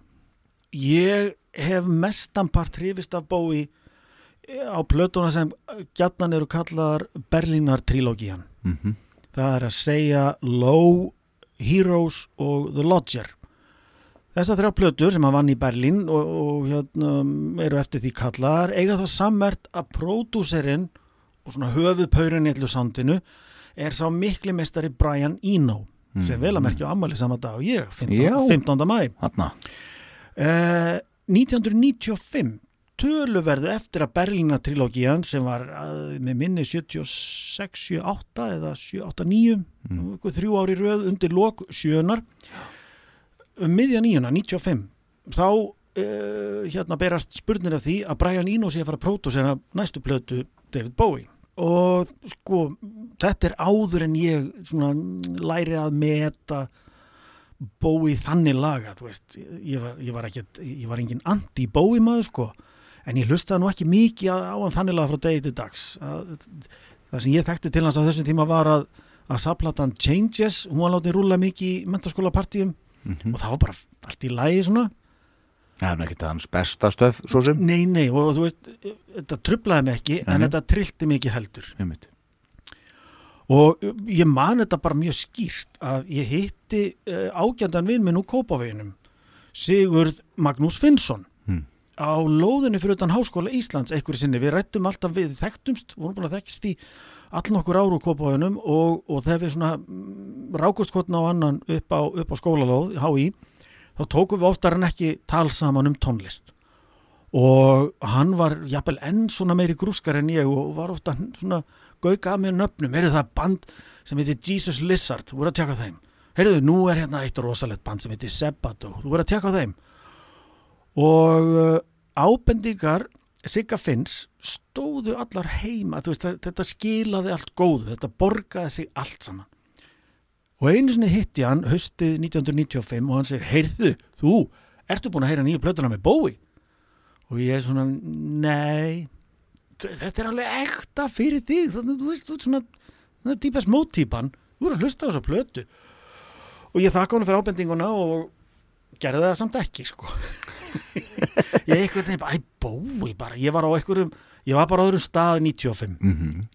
og ég bara, ég fekk bara changes og eitthvað í eirum sko bara, það er ekki að gera neitt fyrir mig maður, hann er aldrei að fara að spila músík eins og Deepest og ég bara, ég bara glemdi þessu. Svo líða tvö ár og nei, bara eitt meiri sér og við hjónin eh, þá bara trúlofa kæristu bar við flytjum til Fraklands og erum við náum þar í Suðu Fraklandi eitt ár. Þar förum við á bíó nokkru sinnum og einu sinni sem þegar við förum á bíó er það á myndina Lost Highway eftir David Lynch. Mhm. svakaleg mynd. Svakalegu kreditlisti í inganginum þar sem uh, þú sérð sem að þú hefur sjónar uh, bíls sem ekkur ofbásla hratt, þú sérð þetta spilað hans og hratt. Mhm. eftir einhverju eftir einhverjum dimmum þjóðvegi bara miðan nótt. Eins og coverið er eins og coverið er og ég er svona, já þetta er Bowie. Ég þekki þessa rödd, þetta er Bowie. Svo byrja lagið og ég bara holy moly og bara það flottast að ég hafði heyrti Bowie fyrr og síðar. Mhm. guð minn góðu hvað það var flott. Og þá sá ég aldrei skal ég efast aftur um orð Sigurða Finnssonar. Því hann vissi hvað hann söng hann sem alltaf þetta er sem sé platan einn punktur outside eins og þetta sé upptalning. Mhm. og ekki bara nóg með það. Platan heitir einn punktur outside innan svega The Nathan Adler Chronicles tvípunktur A Hypercycle og þetta er sko patnið David Bowie að svona lista yfir sig í Berlín Já, svona sumum þótt að vera konsepta yfir sig Mhm. en hann var sem sagt að búa til það sem hann ætlaði að er þið fyrsta af fimm plötum í einhverjum fimm leik Mhm. Um uh, lauruglufóringjan Nathan Adler Mhm. sem er að byrja þarna og að fástu mjög flókið og svæsið morðmál sem lík af 14 ára gamalli stúlku að nafni Grace finnst sundur hlutað inn í ykkur sapni og þetta var svona innblásið aldrei að Twin Peaks þáttunum Mhm. og platan Outside eins og hún heitir nú bara í Það var daglegu ekki tali. Lins líka Hvað séru? Twin Peaks var ekki Lins líka Það var Lins, heldur betur uh, og sko platan er svona einhvers konar frásög frá þessari rannsókn og þessu morðmáli og fólki sem Nathan Adler, detektiv, er að hitta og þar fram eftir kvötunum en að því að sko frásögnin í plötun er ekki beint línuleg, hún fyrir aldrei fram og tilbaka þá skildi fólk á sínum tíma bara, þú veist, jú, jú, það er fullt af flottu lögum og þetta er flott sound en djör þetta flókið eitthvað konsept og ég skil þetta ekki og ég bara og þetta var lengsta platan í bara spiluna lengt, ég held að sé 75 mínútur eitthvað sko, Mhm. lengsta platan sem hann noktið að gefið út. En þó að hún hafi svona hlotið daldi upp og ofan uh, viðtökur á sínum tíma þá er hún í dag eiginlega svona bara já, þetta er fucking snill þetta geð- þetta er bara mestarverk og þannig er að finna nokkur frábælu um þetta er fyrst í hug uh, singull sem heitir The Heart Filthy Lesson sem er frábært lag og svo er það náttúrulega opnunarlagi sem hefur alla tíð verið með svo kært opnunarlagið og Lost Highway. I'm Deranged. Þetta lag, get ég sagt þér, er frábært lag til að prófa hvort að hljómtæki í bíl eru góðið ekki. Já, ok. Það er alveg gegn, bara þendu þetta eins og þá sérðu er það að skila öllu. Er, er, er hérna er þessi bassa að skila sér? Ó, þetta er bara, ég gleymið ekki því ég satt í bíó og hugsaði fucking hell, Siggi finnst við sjálf hvað maður að segja, ef að þetta er á plötunni outside sem að þú veist nýjata platanar og þetta var lag sem ég aldrei heyrt með bói að Mhm.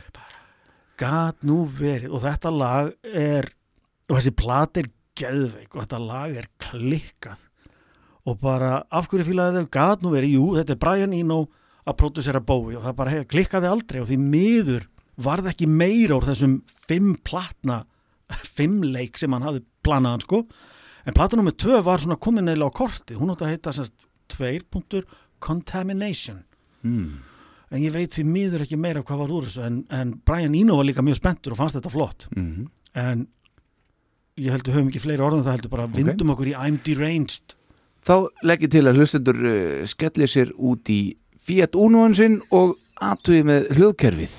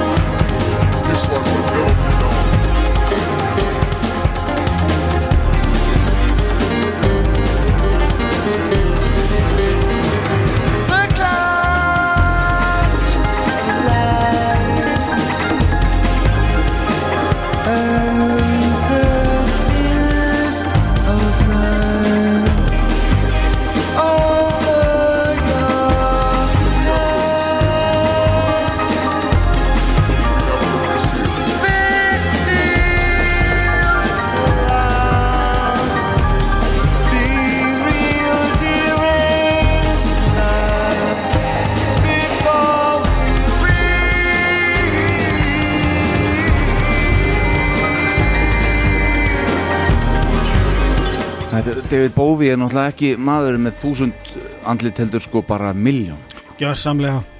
Og Það er endalust, endalust uppspretta sem verður í gangi hérna. Ég bara, nú ætlum ég bara bara gera eitthvað gjössamlega allt annað. Bara allt annað, það gengur bara upp. Og það er alltaf áhugavert, gengur alltaf upp. Hefði ég bara hlusta á sig að finnst, þá hefði ég líklegast Kynst þessu fyrr. Já og þá hefði ég farið á tónleika með honum í höllinni. Já, já en að því ég var ekki búin að heyra þetta þá að ég hlusta ekki á sig að finnst Já. þá fór ég ekki í höllina og og ég meina það var til að fylgja eftir meðal hans þessar plötu þannig að við pottið tekið þetta.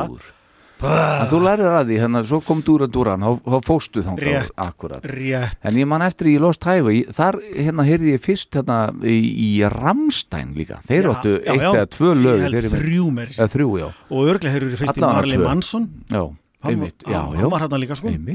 Einmitt sá vitlisingur Já. Einmitt, höfum ekki fleiri orðum þann eh, mann hér. Nei, nei. En það er annað þáttur. Ah, já, og, og líklegast ekki okkur um sjá Nei, uh, við skulum fara yfir í uh, Já, ég get ekki fyllt þessu alveg eftir sko, ekki þannig sem ég sagði á hann sko, nú er uh, allt að vera búið upp á bókanum sko, Kottu bara með eitthvað gott, bara wildcard. Ekki málið. Yes. Uh, Ég ætla að fara í hljómsveitina Þetta er hljómsveit sem það er ekki hægt að vera með þátt um bassaleg og taka ekki þetta lag fyrir, ekki séns. Og þetta er hljómsveitin The Doors. Og Mm. þetta er lag sem heitir Riders on the Storm. Einhver flottasta bassalína sem samin hefur verið Ray Manzarek, hann náttúrulega hljómbásleikari hljómbásleikari kýs eða eitthvað, þetta er svo miklu betra á ennsku Ég veit þetta er náttúrulega Hammond, Piano, alls konar. Bara liklamistari liklameistarinn einmitt minnst af hljómborði. En ok, hljómbórsleikarin hann sem sagt uh, spilaði nú oftast bassan einmitt á eins og komst inn á hann á vinstri. Anna. á meðan hann spilaði sko sem sagt hljómborðið gæsalöpum með hægri. Enda var hann séni. Akkurat. Og er Nei, en dáin Hann er látin Já, eða Þá dáin best ég að fórláts og hérna uh, sem sagt, þannig gerði þetta og hann samdi megni af þessu, uh, þessum bassalínum sem eru í þessum dórslögum vegna þess að The Doors voru aldrei með bassalikara Nei og það kom nú bara með allir virðingu fyrir þér og öðrum bassarikum kom ekkert mikið að sökja um dórs Nei, það gerði það nefnilega ekki. En hins vegar skal það sagt að þeir voru ansi oft með sesjón bassalikara með sér. Ah. bæði live og svo líka á plötum og til dæmis þau tala um á plötum á þessari plötu sem þetta lag er af Riders on the Storm það er uh, af plötunni uh, við LA Woman sem kom, út í, já, sem kom út í júli 1971 og, og hérna þeirra síðasta plata sem innihjælt Jim Morrison. Mm. og uh, sem sagt uh, þessi plata kemur út og hérna í april fyrir við 71 og það er Jim Morrison sem lætur lífið í júli 71 um tveimum mánuðum eftir að plata kemur út. E- Í Þá bakari í París. Akkurat, þá fór hann sína hinstu ferð til Parísar. Já. En hér spilar bassan Jerry Sheff nokkur. Og Jerry Sheff er svona, hann er ennþá lífi. Hann er rétt að verða 83 ára gamall þegar við tökum þetta upp hér. Sko til. Og hann er svona þekktastu fyrir það að vera svona, ef ekki segja aðal bassalekarinn hjá sjálfum Elvis Já. Já, kallið minn. Seg, seg Og þetta lag spilar hann á bassan en auðvitað er þetta bassalína eftir eh, Ray Manzarek. Og þetta er að ég held einhver svalasta bassalína sem að ég hef hýrt og þess má geta fyrir þá sem ekki vita það sem eru sennilega, og er vonandi flestir sem á okkur lusta að þegar ég gifti mig þá spilaði ég þetta lag í kirkjunni á bassanu auðvitað. Eh, Baldvin Sófunesson spilaði á trommunar svo erum við píjónuleikara sem að Guð Geimann, ég manni hvað hann heitir. Og Jens Ólafsson vinur minn söng þetta. Já, þetta gerði þið myndalega þetta gerðu við ansi myndalega Ó já, þetta var, var falleg stund. Takk fyrir það. Riders on the Storm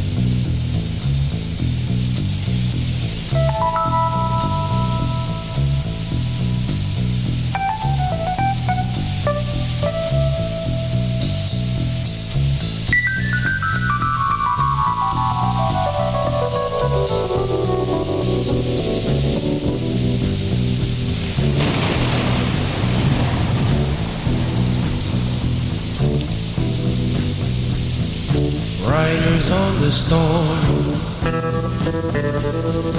Riders on the storm. Into this house we're born. Into this world we're thrown. Like a dog without a bone and actor out alone. Riders on the storm. There's a killer on the road.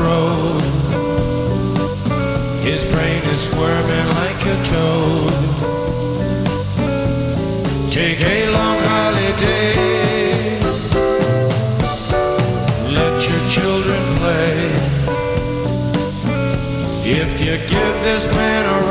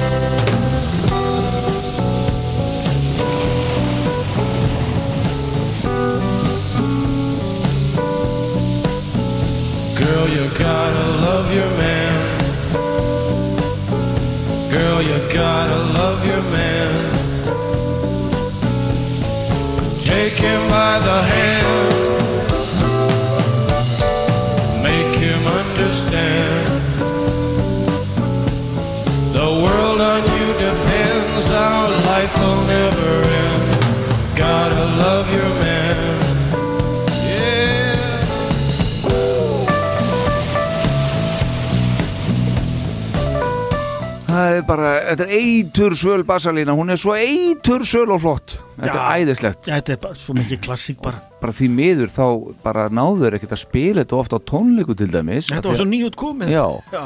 það er þó, það er hægt að finna á YouTube uh, upptöku af tónleikum með Doors Ok. þar sem við spa- spila þetta lag. Eh, skömm áður en að taka upp blötuna þá Ég er skil svona að prófa þetta og það er mjög svona, soundið er langt í frá þetta er lélegt sound en þetta er til og það er gaman að heyra þetta. Og þar spilar einmitt Ray Manserik bassan bara með vinstri sko. Engin Já. Jerry Sheff að Já. spila þar með Já, sko. þeir eru ekki með hann svona Nei, nei, þetta er bara lítill staður og það er bara þeir að spila. Og þetta er bara, já, mjög gaman að, hérna, að endilega fletti því upp og tjekka því. Já, já, já, það er allir að tekka bara reglulega á Doors, þetta er svo gott band sko. algjörlega maður. Heldur svo var ég svo heppin að ég hérna, þeir eru nú tveir úr bandinu á lífi en þá, Robby og, og Densmore. Mhm. og hérna ég einmitt uh, pantaði mér bók semst æfisugur Robby Krieger. Já, áritað af kallinum. Sko til. Þannig að ég á það til heima núna maður. Það er nú svolítið smart. Það er það nefnilega, Já. ég hugsa að það er núna eða aldrei. Hún kostaði aðeins sko. En Já, maður já, maður eiga þetta. Ég meina, þú veist, og, og mjög góð bók, ég er búin að lesa hana. Öruglega mjög á að vera bara nóg að frétta Ef þarna að einhver í Doors skrifar sæmilega heiðarlega æfisögu Já, þá leiðist mann ekki sálestur Nei, nei, akkurat Það er bara blasið við.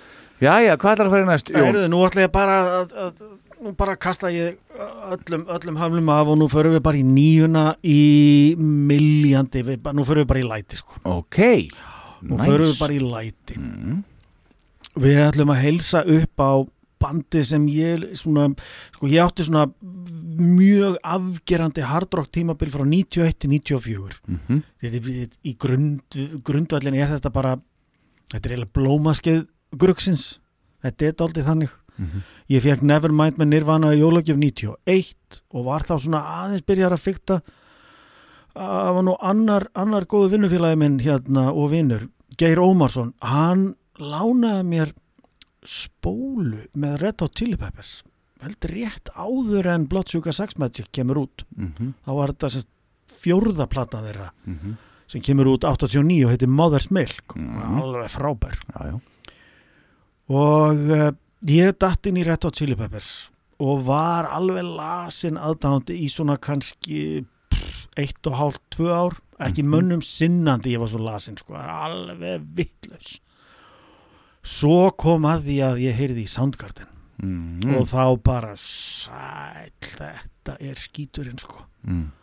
að því þeir voru bara með þeir voru bara með meira einhvern veginn af öllu Mhm. og samt var allt eitthvað svo útpælt og spekulerað sko trommuleikarinn hjá Matt Cameron hvern, sko ég, ég kann ekki þú veist triksinni að veit ekki á hvaða bauka hann er að lemja en þeir voru með réttu heyrnatólun að hlusta á Soundgarden og, hei, og svo heyrir trommurna hjá Matt Cameron þetta er dálta eins og þegar þú heyrir á færi í Ducati mótuhjóli það eru bara smellir hann einhvern veginn sem fara bara aftan í, aftan í sko heilastofnin sem sagt á, aftan á hálsinu þú bara svona eiginlega liftir herðana til þess að hlýfa þið þetta er svo svakalegt. Og gítarleikur Kim Thayil er auðvitað bara klassík og svo er auðvitað hárþurku söngurinn hjá Chris Cornell blessu sér minningin og það. Mhm. En á þessari plötu þriðju breyðskífu Soundgarden, Bad Motor Finger frá 91 Mm. þá er komin nýr bassarleikari Ben Shepard áður hafðu þau verið með uh, á plötunum sínum Ultramega OK og Louder Than Love Japanan Hiro Yamamoto.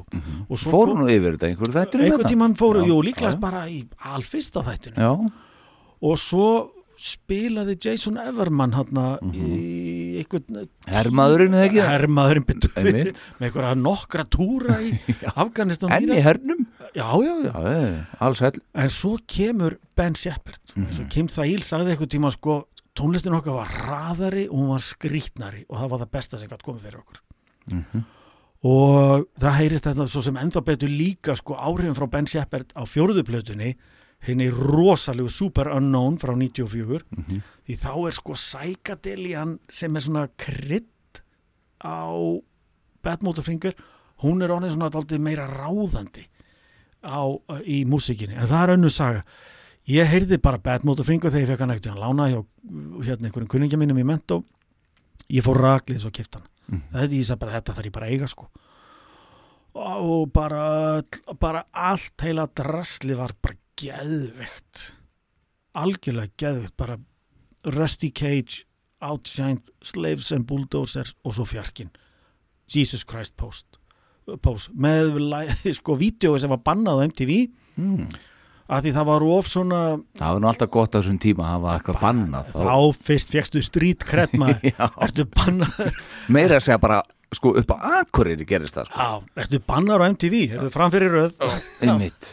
En þarna er bassaleikur Ben Shepard í dálitlu öndvi og riffið í þessu lægi Já, það er bara einhver, þú verður bara fyrir einhver skriðu eða eitthvað sko. Ok. Þetta er svo flott og svo þetta bara barkin í, í Cornell heitnum var náttúrulega bara engu líkur sko.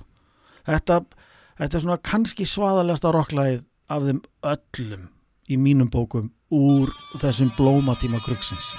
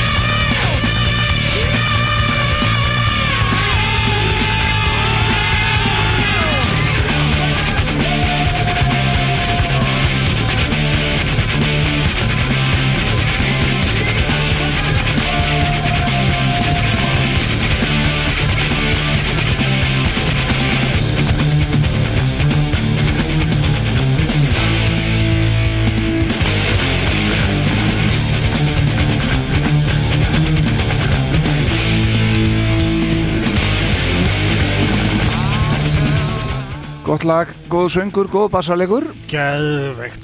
Svona saman sko. sérstakt bassasándi eða svona pínum prumpið í Það er nefnilega dálítið svona en, en virkar samt. Það bara virka svo vel. Þú veist, það er ekki engin, engin svakalegu botni í allavega ekki eins og ég er að heyra að núna. Nei, nei. En hérna, já, en, en, en mjög flott. Ríkala flott og bara það besta sem komið fyrir Soundgarden á þessum tíma var að Ben Shepard við á. Hann- greinilega kann þetta, sko. Já, já, kann þetta sko, hann var búin að vera aðdáandi Soundgarden í, þú veist, bandið stopnaði mann ekki 85 eða 6, gefið út fyrstu stóru plötun 87, aðra plötu 89 á þeim tíma verður hann bara bilaður aðdáandi og hann lísti sko bara mér leið bara eins og einhver, einhver gutti sem að vinna í einhverju selgjatismenn þetta var bara gæðveikast að jobb í heimi að vera búðin í bandið og bestu plötur ég held að svona almennt ríki sátt um það að tvær bestu plötur Soundgarden eru Bad Motorfinger og svo Super Unknown sko. Já, ég held það Já. Þetta eru svona uh, uh, Núna fíla ég alveg Soundgarden Ég bara datt aldrei í petin Og hérna, en þetta eru svona þær tvær plötur sem að ég allavega þekki best Já, og, já, ég á allan katalógi með þeim sko en Mhm. þetta er svona þegar maður fær þessa fjarlægð á þetta sko Já. þetta er þessar tvær sem sem svona lifa best sko þótt að það séu sprettir á öllum hinnum, mikil ósköp Ég sé alveg fyrir mér sko, sko Þegar hann byrjaði að syngja hana á hann mm. Þá hugsaði ég bara, ok, þeir eru hann í stúdíónu Þeir eru að taka þetta upp Djúvill vita þér að þetta er bara eitthvað Bila stöf sem þeir eru að búa Já, til sko. já, Þegar hann byrjar hann það, það, er ekkert annað hægt Neini, þetta er bara steinlá sko. algjörlega með það sama Tala, og öll Þú nefndir bílskursband á hann Það er ekkert bílskursband að búa svona til sko. Nei, nei, nei, þeir voru, þeir voru vaksnir upp á því. Já, já. Þetta voru bara menn með, með alvöru pródúksjón En byrjuðu kannski þar. Alveg, þú getur hitt ímynd Auðvitað. Auðvitað. Herðu, við höldum árum á svipuðunótum Ok. Og við skulum fara þá bara, þú nefndir þá Red Hot Chili Peppers. Já. Og þetta er að mínum að lag af Ég myndi segja, þetta er svona ein af betri plötum sögunar, rock sögunar Já Blood, Sugar, Sex, Magic Já, já, þetta plata sem kom út í þann veginn sem ég var að ná þeim sko Já, og, og það bara, ge- það gengur allir hlutur upp fyrir þetta Já, band veist, Móðus Milk var náttúrulega frábær og, Já, já. og allt það En þetta er náttúrulega platan sem slóðum í gegn þarna. Gjössamlega, loksins, fymta plata ja? Akkurat, fymta breyðskefan þeirra sem aldrei gleyma því Já. og hérna hann eru búin að hafa sokkan á tippinu og allt þarna sko, þú veist, Byttu fyrir reyna allt en hérna bassalekarinn í þessu bandi. Já. hann er nú með þeim betri í þessari sömu rocksu, hann heitir Michael Peter Balsari. Já, Ástrali. Flea kallaður. Og það er einfallega út af því að hann gæti ekki verið kjur í skó skóla sem táningur og það heyrist nú á bassalegnum sko. er þú horfið bara á gæjan sko, hann þarf ekki að vera að hreyfa sig. Nei. horfið bara á hann, þú sér bara ok, hann er eitthvað aðti háti að alltaf gerast þarna uppi og eitthvað. Já, já, en ég menna þetta er bara góðsögn í leiknum. Eða heldur betur, pínir svo Tom Tom hann er bara með þetta alveg upp á tíu. Hann, hann, hann þekkir hálsinn svo vel hann, hann er með þetta algjörlega upp á tíu Hálsin og hann þeir eru eins og bræður eins og já, ég myndi segja það. Og hvaða lag á maður að velja af Blood, Sugar, Sex, Magic? Ég veit ekki, ég valdi þetta hér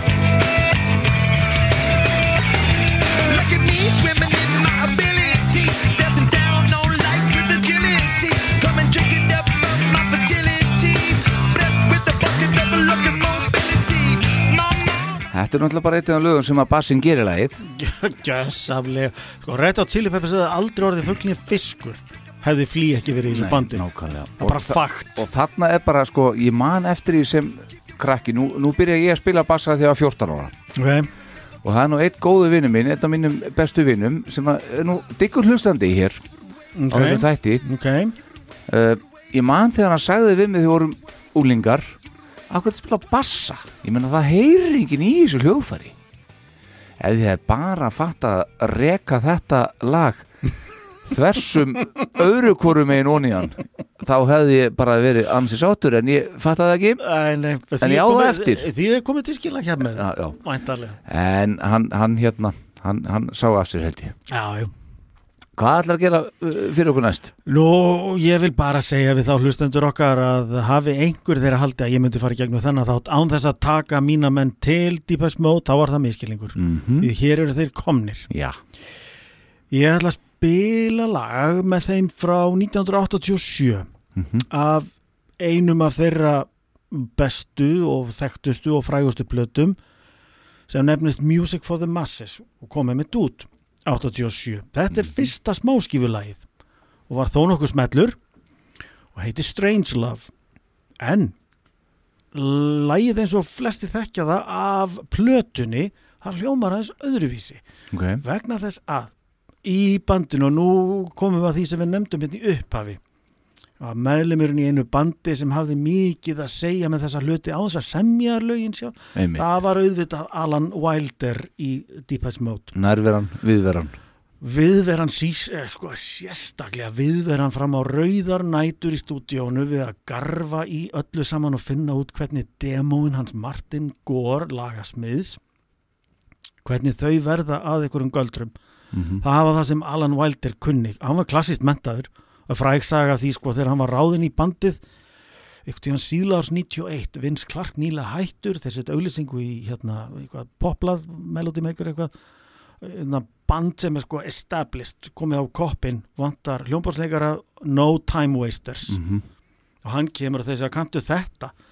Og hann var alltaf bara með aðra hönd í vasa og brrr, já sæll, en kantu að spila þetta? Brrr, bara með einni og þeir lítu bara hver annan, holy fuck. Ok, þú dráðin það kemur í ljós þess að þótt hann væri sjúklega flinkur hljóðfærarleikari og ég meina samt eitthvað að lögum, hann, hann átti aldrei beint auðvelt með það, en galdrætni voru í stúdíónu þegar hinn eru farnir. Það ætla að vera aðeins lengur. Og hann tók lagi Strange Love og gerði úr því miljandi svona einhverja nánast funk elektrónik með alveg dundrandi bassa. Mhm. svo bara þegar að platan kom út þá fórum menn að segja, er þetta lag kannski daldið svona mikið, daldið svona busy, einhvað tónaða niður fyrir plötuna. Það má leiða röka því að sko já, útgáfan á plötunni kannski er í öllítið meira flúti en þessi útgáfa er bara miklu flottari því hérna er bara dundrið sko. Og þetta er bara Alan Wilder að leika sér að tökkunum og gera bara tónlist. Og ég hef fyrir mm, 30 og pluss eitthvað 5 árum síðan verið á diskoteki og dansa við þetta lag og það er bara einhver alsæla sko. Þetta er sem sé smáskifu útgáfan af laginu Strange Love með Deepest Mode frá því snemma árs 1987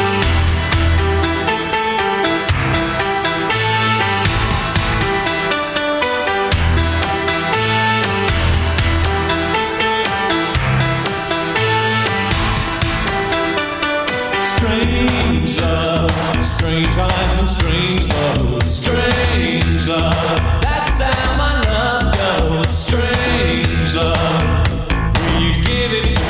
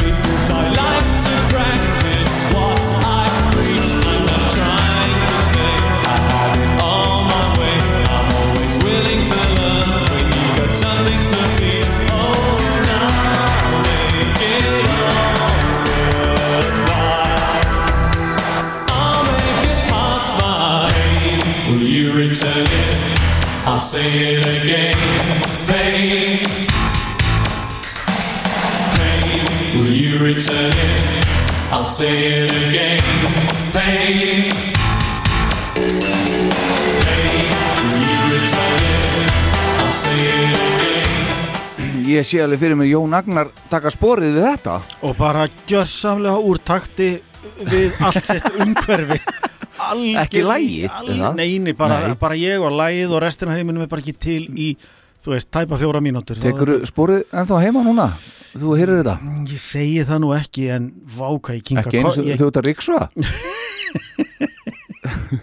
já, Þetta er þetta hugmynd, ég er örgulega fljótar að riksa ef þetta er honum Já, ég skora á þig? Já, þetta er góð, áskorun er tekið. Herðu, þá ætlum við að eh, fara út í, eins og ég segi, ég er búin að reyna að fylgja þér en ég ætla að- að vinda hvaðið minni kross hér. Gott. Og ég ætla að fara í svolítið alveg allt annað dæmi. Áhugavert. Ég ætla að fara til ársins 1974 Ok. Og uh, það er hljómsveit sem gefur þá út sína aðra plötu. Mhm. og ég held hún sé bara uh, jú, hún er samnemd uh, já læginu held ég Ok. frekar en sveitinni en allavega þetta er sænsk hljómsveit sem heitir ABBA ah. og þannig er nú mál með vexti að þeir sem að uh, þið fáið þarna sem er að hlusta sem hafið spáð eitthvað verulega mikið í bassaleik Mhm. þið hafið spáð í bassaleiknum í ABBA-lögum þau eru, sko bassaleikurinn er geggjaður í ABBA-lögum Og flestum þeirra. Og það eru ja, sérstaklega tveir menn sem að eiga heiðurinn þar af. Það er maður sem að eh, heitir Mike Waters og svo annar sem heitir uh, Jóhann Rúdger Gunnarsson. Hljóma sænst. Já, uh, alltaf kallað Rúdger Gunnarsson. Hann lest reyndar árið 2015 og hann spilar lægið, nei, bassan í þessu lægi hérna Waterloo Nú bara lagi sem breykaðu Já, og þarna er nú bara, við erum að tala um sko bassaleik sem að er bara uh, hérna af uh, næstu kynslu sko, Ok.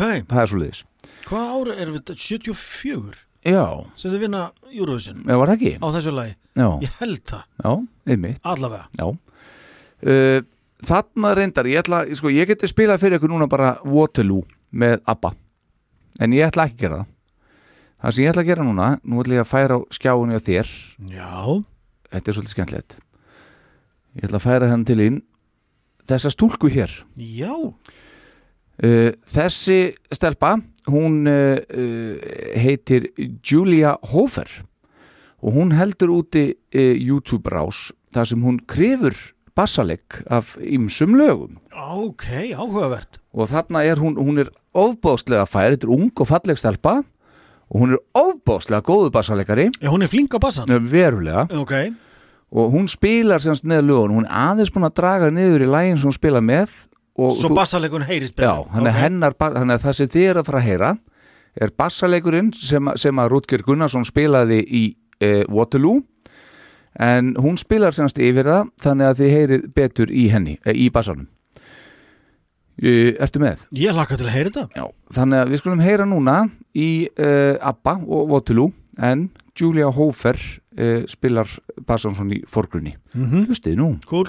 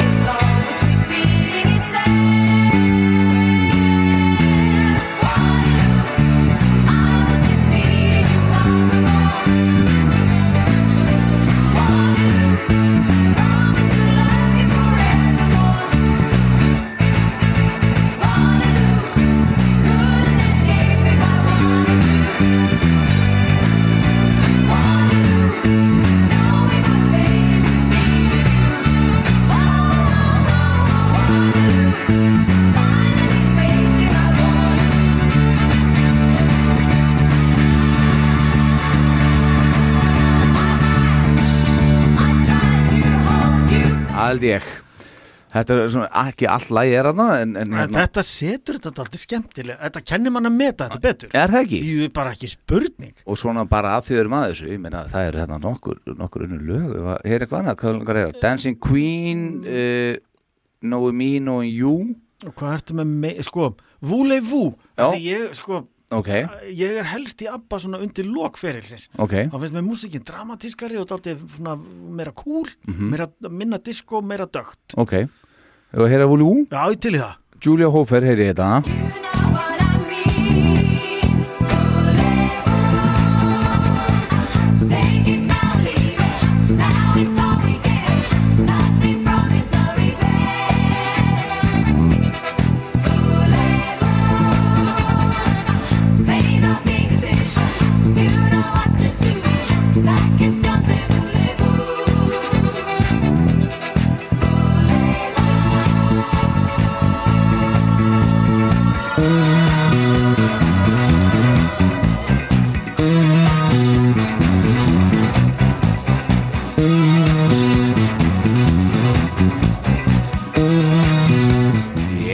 Er rætt, drengur Djúvel er það vel gert.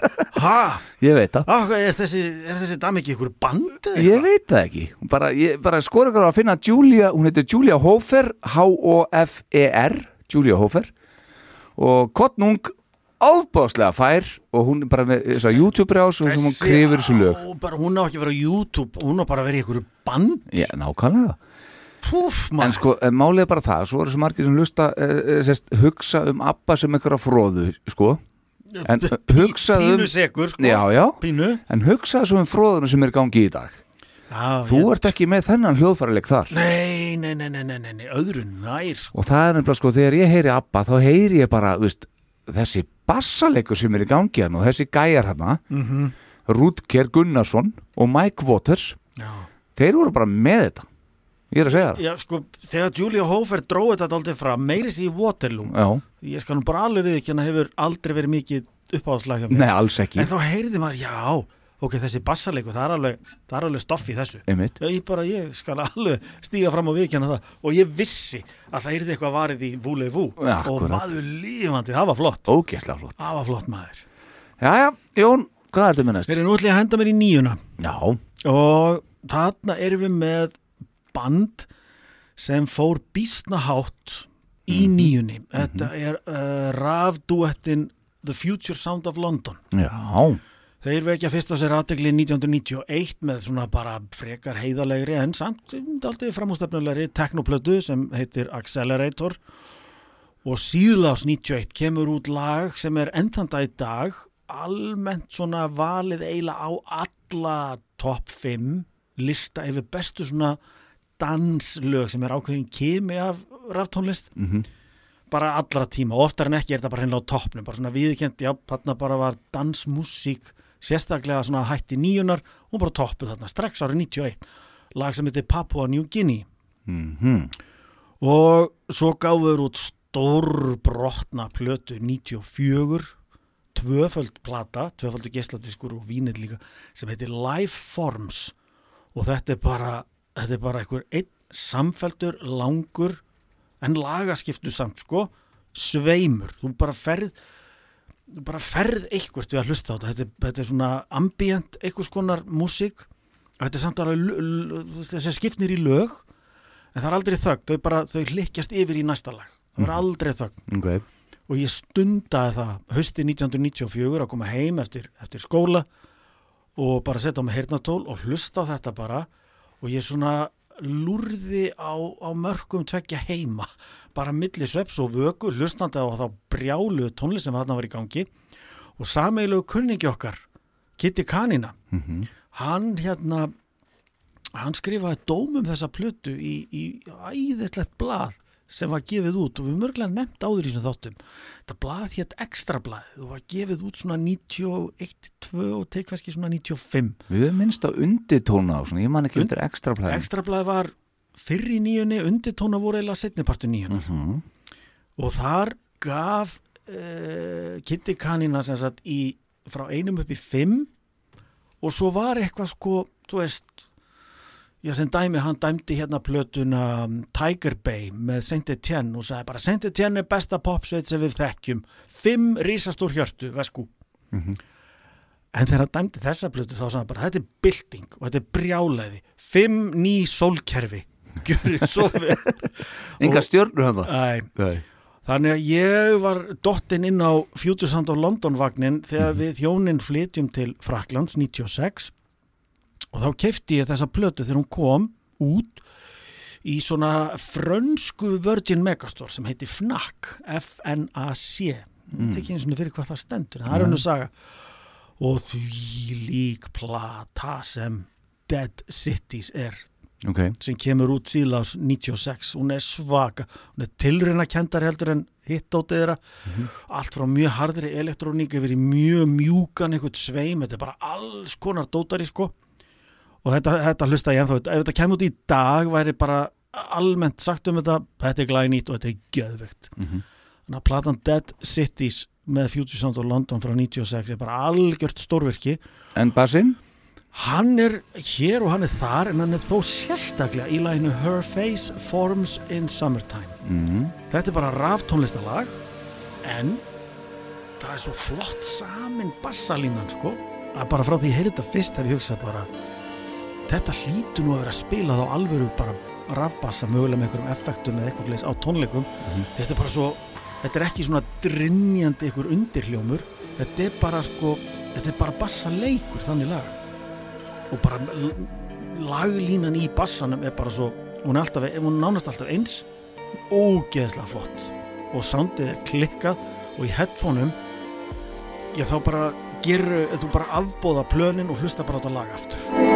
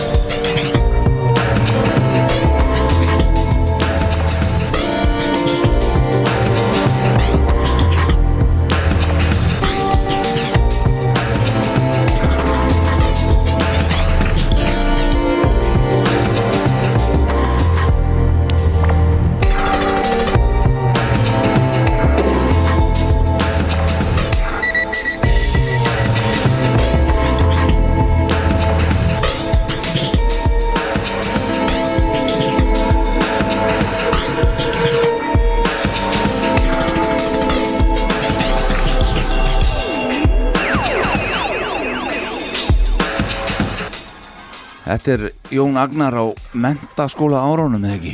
Ég er bú, þetta er, uh, þetta er svona í miðjun á háskólan Já, þú ert komin í háskólan Já, þetta, já, við erum komin í háskólan ám til Fraklands við hjónin já, já, já, já. og ég kefti þetta í einhverju blötubúð og var í, í hérna frönsku Virgin Megastore Alveg rétt, auðvitað, og maður. fór heim Fylgstu með allir Alveg rétt Einmitt.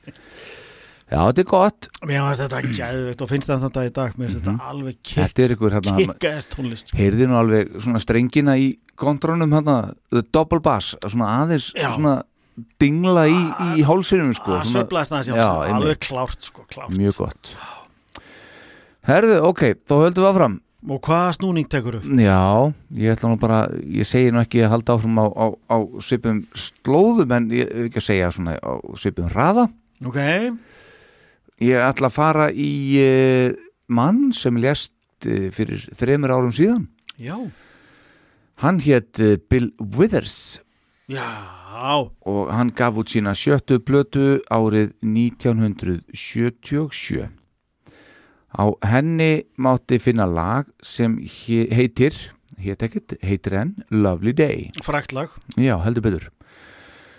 Og í þessu lagi e, má finna frábæran bassaleg mm okay. frá Jerry Knight og hann var svona eitt fremsti R&B bassaleikari bandarækjana á 8. og 9. áratug síðustu aldar Ok, var þetta bara sessjóngauður að var hann í bandi? Já, bara sessjóngauður sko Ok, ok og spilaði með fleirum sko en þetta var svona hann spilaði nú með uh, hérna Barbara, Barbara Streisand og uh, einhverjum fleirum sko Ok sem hann spilaði með og ofbóðslega fær náungi og hann kemur með bassalínu í þetta lag hér sem ég ætla að lega okkar að heyra.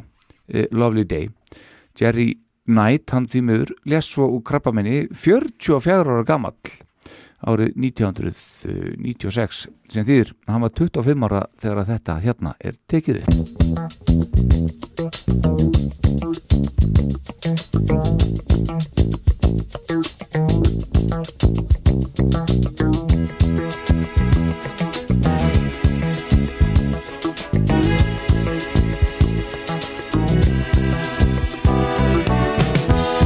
When I wake up in the morning, love, the sunlight hurts my eyes, and something without warning, love, bears heavy on my mind. Then I look at you, and the world's alright with me. Just one look at you,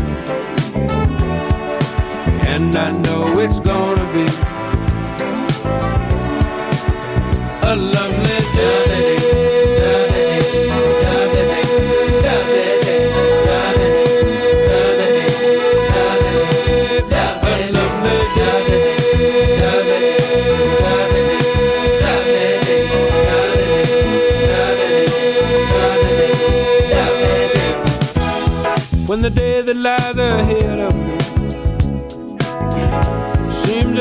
impossible to face.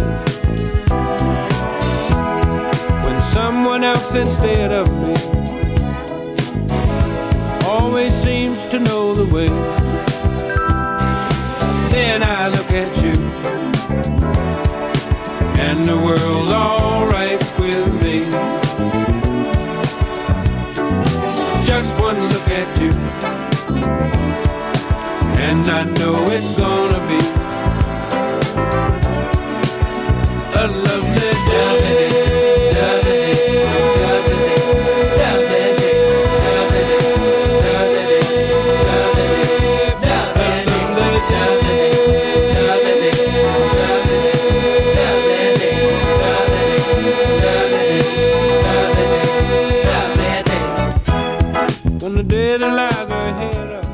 Þetta grúfar Veistu það, ég, sko, í þessu samengi þá heyri ég, ég miljón sem heyrt þetta lagu ég hef aldrei einhvern veginn leitt hugan að Nei. en svona þegar við erum komið þessi glerugun á okkur sko, Já.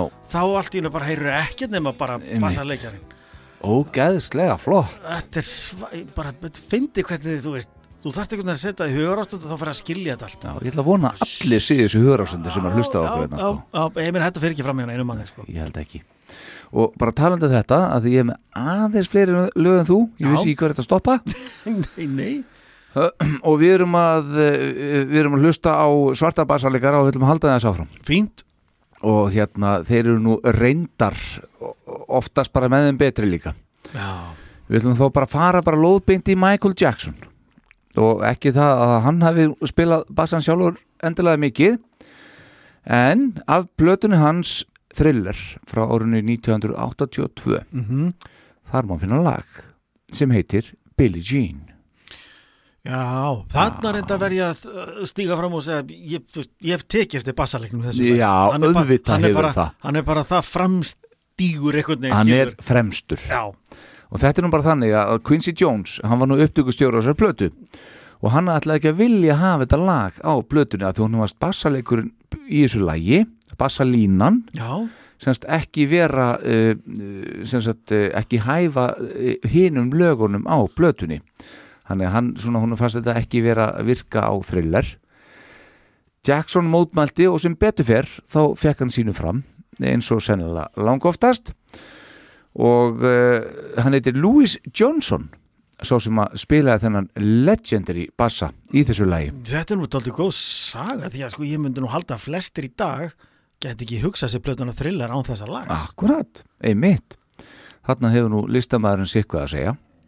Og en sagan segir að uh, hann hafi spilað á alla bassana sína í stúdíónu Mm. sem hann átti. Uh, áður en að Jackson settist loksins á soundið úr Yamaha bassanum hans hans uh, Louis Johnson.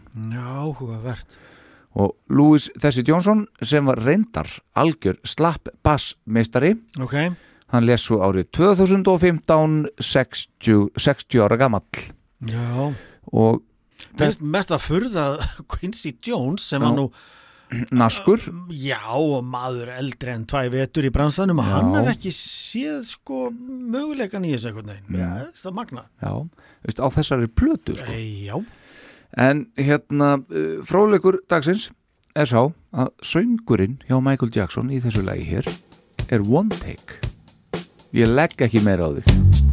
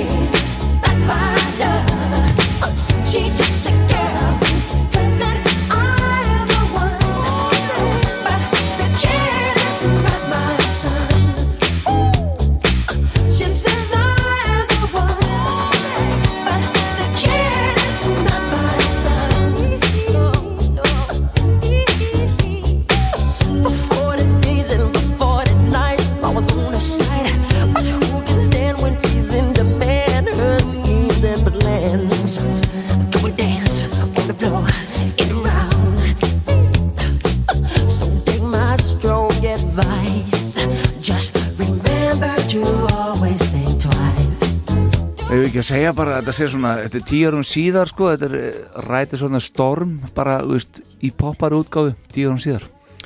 Þegar hún nefnir það, þetta er er dálítið smart samlíking. Já. Já, veist, Já, þetta er- ég skil hvort að fara já, Algjörlega. Svona gangur út í gegn. Einmitt, einmitt, Þetta er bara stöðu og gangur sem bara gengur upp. Algjörlega. Aldur betur. Þetta er ógæðslega flott. Já, hvað sann að geti bassalegarinn? Það er Louis Johnson. Louis Johnson yes. og hétt og hétt einmitt, já, já. en þetta var líka bara svona sessjónleikari sem að spilaði með hinum og þessum sko já. Kalla ángin, já já Jón. Jón Agnar Já. uh, sígur uh, á síðara hlutan hér það er svona fer að gera það Já. ég ætla að henda í band Mm. sem er með kvintett með mjög frægan söngvara og flinkan lagahöfund og textahöfund mjög frægan gítarleikara og bara flinkan músikanta í, á öllum vikstöðum en samt er hann einhvern veginn svo að ég svona í fljótu bragði kannski tengi hljómsveitina Radiohead ekki endilega við dundrandi flottan bassaleik. Þeir bara einhvern veginn sigra mann með einhverjum öðrum meðlum einhverjum melodí og einhverjum stemmingu og, og þar fram með göttunum en þeir gáfu út plötu 2016 sem heitir A Moon Shaped Pool. Mhm.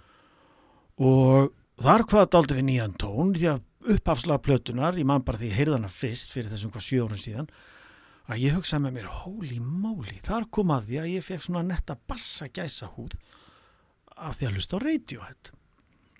Og þarna er og ég veit að hann hérna Colin Greenwood bassarleikari er jafn vígur á kontrabassan og, og, og, og hvað sem vera skal. Ég ímynda mér að hann hafi reynlega gripið bara í kontrabassan og reynlega strókið hann í þessu lagi sko.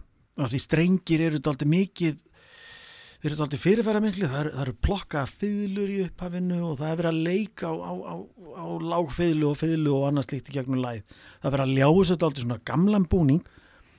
Þetta er fyrsta lag á þessari blötu og heitir Burn the Witch.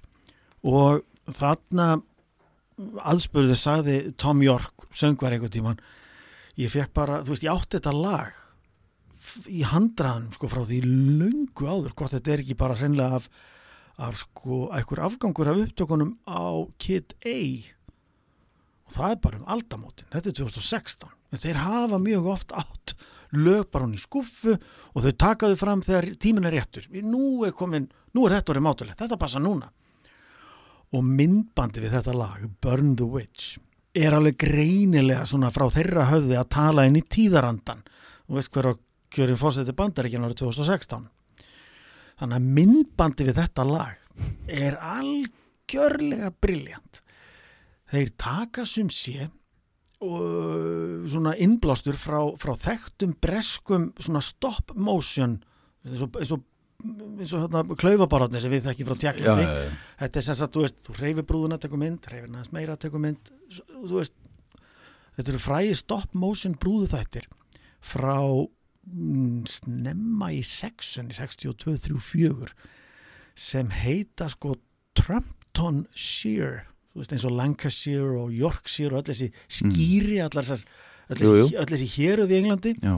og þetta geta eitthvað, eitthvað hluta vegna Trumpton Shear svo þeir búa til myndband byggt á þessum brúðu þáttum og búa til sögu þar fyrir þetta sem kallast á við þína rosalegu svona e, sértrúar hryllingsmynd The Wicker Man eða Bastmaðurinn frá 73 sem er algjör klassík í svona, þessu, svona því sem er stundum kallað folk horror og mér ég bara, bara mann bara ég sæll þetta ok, ég vissi alveg hvað bíómynd myndbandi var að vísa en kom setna því að þetta var örglega engin tilvílun að þeir ákvaða að taka gam, gamla hérna svona brúðuleikara brúðuleikustætti úr enska úr BBC sem héttu Trumptonshire og er að- einhvern veginn þetta er svo þetta er svo, þetta er svo ramgert og þetta er svo útpælt á alla kanta einhvern veginn. Sampínu síra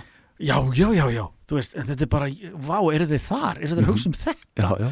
Og þú veist, auðvitað getur þið skipað því á öllum þessum pælingum Mhm. og hlusta bara á lægið. Já. Því sér í lægi við læginu þegar að sko, hann Tom York svona eða svona ná, hann ýlfrar ekki beint eða eitthvað, en hann svona, það gnauðar í honum þegar hann segir burn the witch og undir hljómar drungalegur og svo ókvænlegur bassalegur Colin Greenwood að, að það bara setur að manni hrott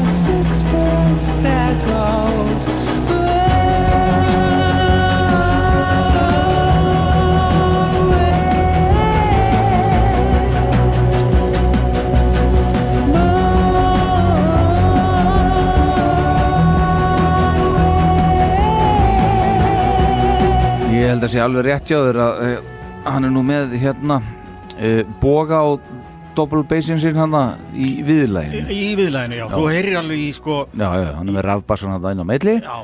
Þetta er flott að þetta er geggja flott sko. Fullt af strengjum. Fullt af strengjum, fullt af dramatík og sko Mhm. st stundu þegar fylustrengjum fara upp á átónuna þá hljómar þetta bara eins og að eitthvað skeri stöff úr einhverju verulega Já, pínu tens svona, eitthvað, mjög tens og bara ég held að þeir hafi verið daldið að lesa í tíðarendan sem var framundan Já.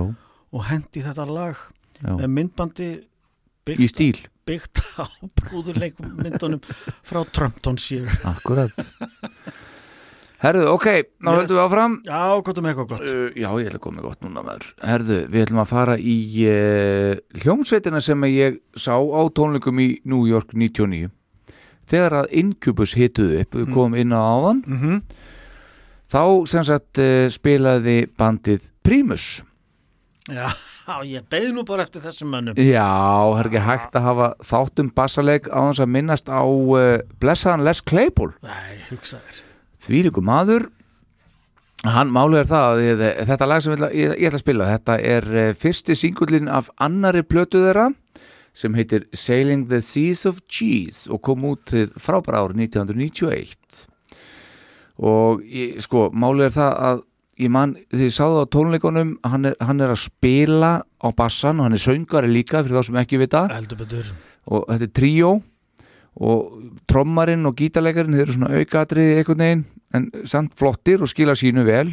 En sko Les Claypool hann var fremstur með mikrofónin og hann var klættur í svona brinju, svona svo rittari alveg svona silfur svona glamra hérna, hvað segir maður, hérna glitraði á hana Já, já, það speklaðist skilur bara svona, eins og sér bara rittara í Það bara styrndi á hann. Já, já. og með hjálm í stíl með svona eins og svona strákúst ónú Já, já, þeir voru með fjæðir alltaf Þannig að rit- rittararnir á Einmitt, miðöldum sko. bara, veistu, hann var bara svona Að því með- bara, af hverju ekki? E, akkurat, af hverju ekki?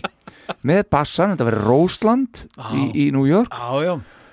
Og þarna bara eh, eru þeir að spila og þetta var alveg stórkóstleg upplifun að, að sjá þetta. Já, ég skal trúa því. Ég mæli með að þeir sem að einhvern tíman mögulega komast á tónleika með, með Primus bara drífa sig en uh, sagan segir hins vegar að, að Les Claypool hann hefði sótt um í Metallica uh, eftir dauða Cliff Burton Já. sem bassalegari þar uh, 86 en liðsmenn Metallica þeir bara hreinlega sáu þessu bara ekki fært um að nota hann að sökum góður á hefni það er tónlistastefna bandsins hefði sem sagt algjörlega snúist við hann hefði haft þau áhrif með bara hvernig hann spilaði á hljóðfærið að Metallica hefði ekki orðið eins Nei, ég svona sé nú aðeins hvað þeir eru að fara með því Já, en hins vegar, ég sé það líka en hins vegar, er þetta satt alveg? Ég veit það ekki, Nei. en sagan segir Ég hef aldrei heyrt þetta Nei. En þetta er góð saga Einmitt, góð saga Ég samt, svona, þú veist Því ég heyri bara hvernig hann hvernig ég getur orða, hvernig hann lætur eftir sér Já, já. að spila bassan Mhm. Ég sé það ekki með, með góðu móti ganga upp. Nei, minna, þó svo þau segja bara deild í tíu. Já, þá er þetta samt all over the place. Miða við bara hvernig sko hérna Jason Newsted sem tók við kindlinum Já, já. hvernig hann spila síðan á sko þessum Hann var fullkomin í þetta bara. Já, hann passa allan að býstna vel. Já, já. í þessar sko, að því plötuna sem þarna, koma í kjölfarið Mhm. eru nú að flestum taldar sko þeirra bestu. Já, en, en sam, já Já, sko, já. Eh, Flestum, er það? ég minna, plötuna sem koma í kjölfarið eru Justice for All, Já. svarta. En ég meina ræta lightning og Master of Puppets er svona oftast taldar upp líka í þessu sko. En ég held Jú. bara með að fá einhvern inn sko sem að sem að hefði svipað til Cliff Burton hann hefði alltaf verið undir. Þarna og sko, bara komið annað teika á þetta einhvern veginn. Ég hugsa þetta sé rétt hjá þér. Ég hugsa þetta sé rétt hjá þér. E, og með því að fá þennan gæja hann hefði aldrei orðið vinsætt sko þegar Cliff er búin að segja sitt og kemur þess ykkur og mikið held ég. En samt sem aður, heyrum hérna í Les Claypool film og uh, Jerry was a race car driver. Þetta er svona uh, pínu, hann er svona pínu kjánakall líka, við erum ekki að glema því. Það er alltaf svona gals í honum. Galsi, hann er galsamaður. Já. og ekki gleyma því hann syngur þetta meðan. Og ekki bara stúdíónu, ég sá þetta live. Þetta er snild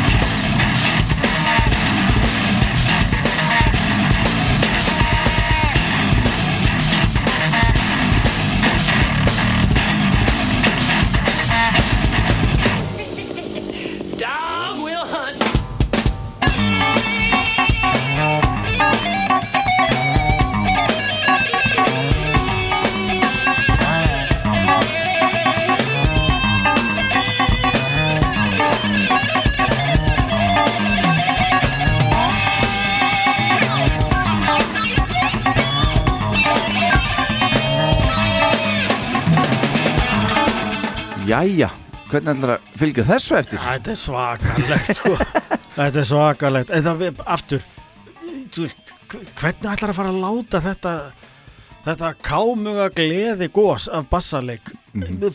passa inn í, inn í metallega með góða móti Þetta er, heyrðu, já og aftur, þetta er rétt uh, Hérna Rætt og Lightning og, og Master of Puppets koma náttúrulega, þetta eru þetta Cliff Burton plötur Já, já. Það skeikaði þarna aðeins hjá mér sko. Já, já.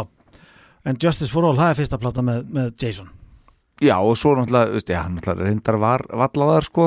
Já, ok. Og hann bara settur í, í sko, 0,1 í voljum. Já. Og, og á YouTube getur þú fundið sko eh, And Justice for Jason. Þá getur þú fundið á No Joke. Þá getur þú fundið þessa plötu And Justice for All Já. með bassan hækkaðan upp. Já, og bara hvernig þetta hljómar ef hann fær að vera alltaf með. Akkurat. Já, Svo bara orginal upptökur sko. Já, ok. Já, já. Þannig hérna Það er nú pínu foröndilegt bara uh, þeir eru búinir hér í, kvöld farðu heim og tjekka á þessu. Þetta er er algjör tjekka á snill þessu sko. And Justice for Jason. And Justice for Jason. Það er miklu betur, það er bara veist, hérna, var ekki Rasmussen, mér minni það. Hvað heitir hann? Rasmussen, nei. Hver, fyrir ekki það? hérna, auðvitugustjórin, af hverju manni ekki? Þarna, Jú, hann hérna, nú er ég ekki með. Hann, hérna danski Ég er ekki með sem tók upp Puppets og þetta, ég man ekki. Hann tók upp þetta líka og hann bara, hann trúði ekki þegar að Hetfield og Lars Ulrik sögðu við hann, herðu bara, lækka þetta, nei, já, svona, já. Nei, lækka aðeins meira. Já. Aðeins meira. Já, lækka bara í nýja gaur og hann var bara, hæ? Af hverju? Flemming Rasmussen heitir hann. Flemming. Rasmussen. Sem tók þetta upp. Já, ok. Rættalætning, Master Puppets og uh, Justice for All Ok.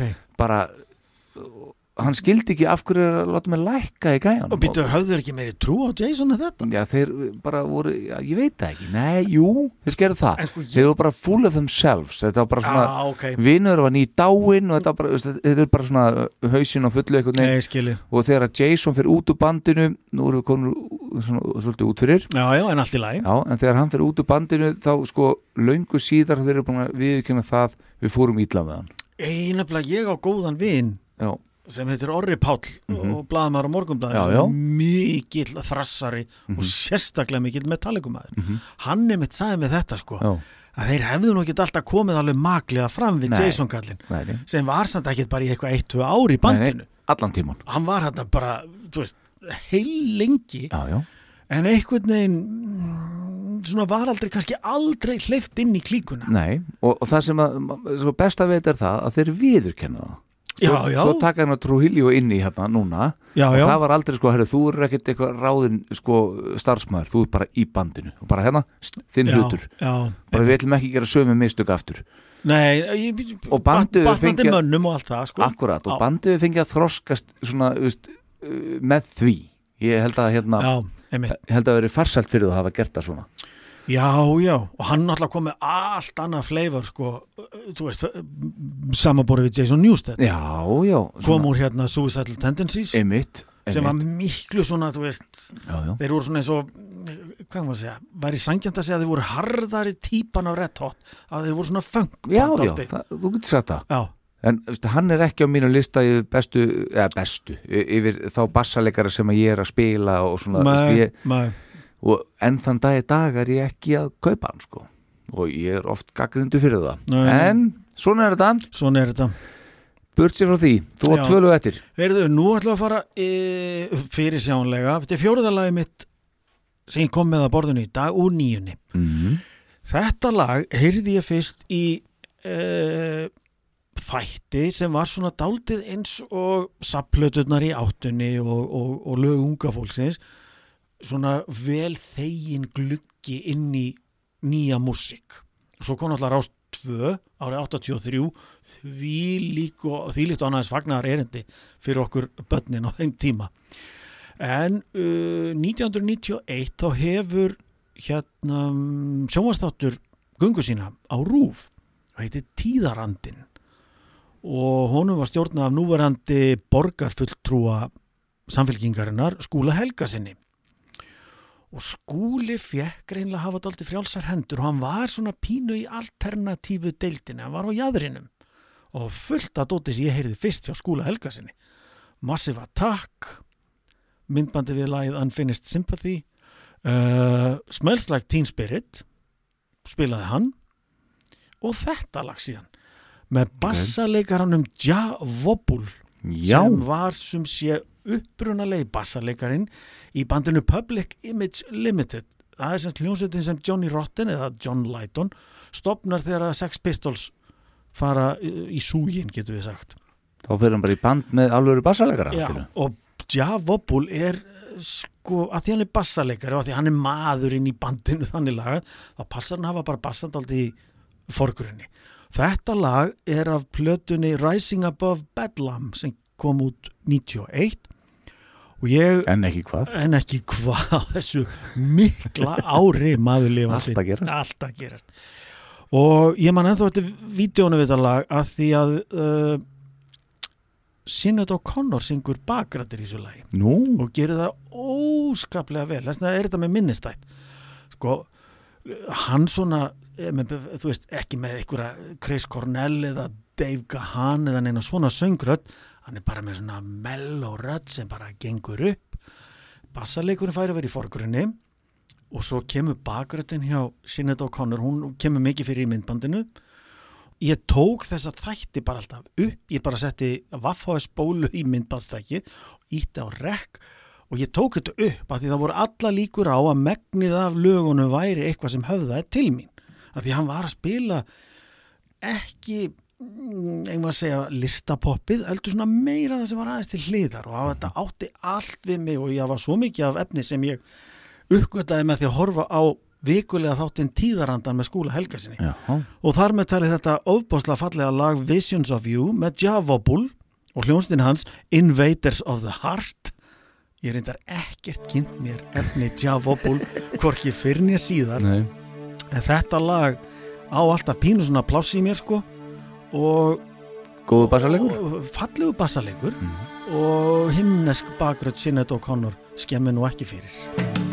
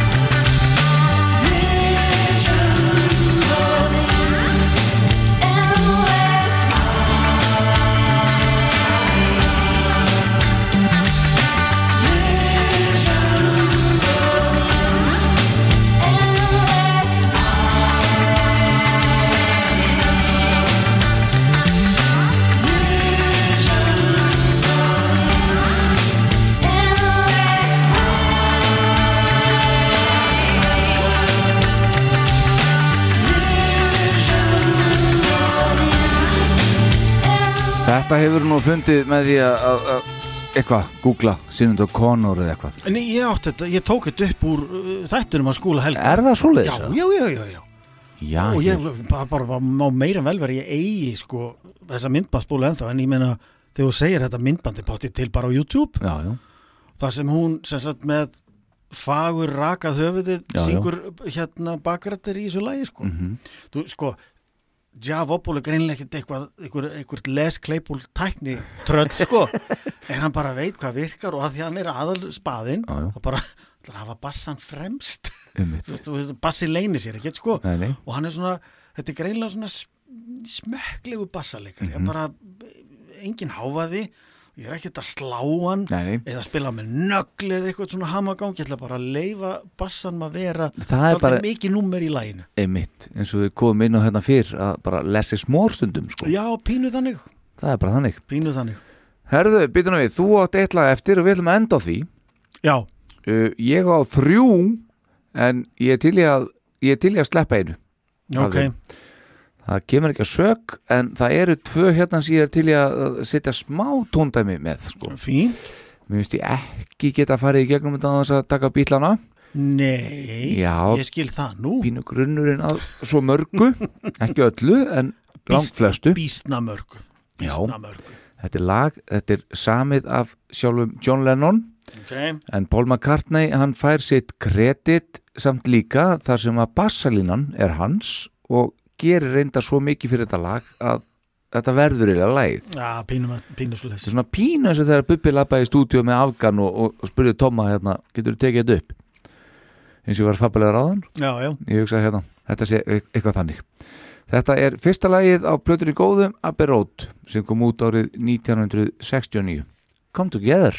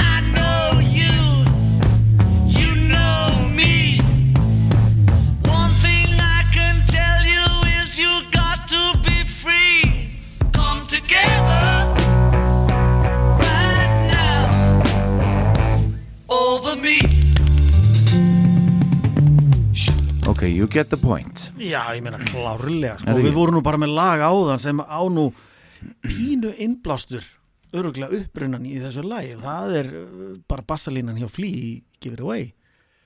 Já, einmitt. Hann svona flýgur alltaf upp skallan og niður aftur. já, akkurat. Það, þú veist, Ég er ekki að setja sér ég er bara aldrei spáðið þetta. Nei, Alveg, en, já, einmitt. en flæðið er ekki ósipað sko. nei, nei, akkurat, nákvæmlega. En ég meina að það skulda allir bítlunum eitthvað Ah, bara, það er bara garantít og ef ekki beint þá óbeint eða óbeint. Veist, þetta er bara svoleiði sko. Þetta er pínu svoleiðis. Já, og hérna að því ég sagði hérna áðan að við myndum heyra meira af Tómasi Tómasinni Já. þá langum við að klára þann uh, faktor hér. Gott. Uh, Tómas Tómasson aftur núna. Þetta er náttúrulega eins og ég sagði lang besti bassarleikari sem við Íslandikar höfum átt. Og ég ætla að spila ykkur lag með stuðmunum þar sem hann er reynilega að brillera á bassanum og hann eignar sér lagið. Þetta er lag sem er tekið af uh, plötu sem að allir elska allir elska lögin. Ekki bara það, heldur þetta soundtrack úr bíómynd. Sem allir elska notapenni líka. Sem allir elska. Með allt á hreinu síðan Ó, já. 1982 þetta er lag sem þið hafa öll heyrt margóft en ef þið geti einhvern veginn bara mögulega einangrað bassan frá öllu og hlustið á bara Tómas Tómasson. Tjekkja þessu.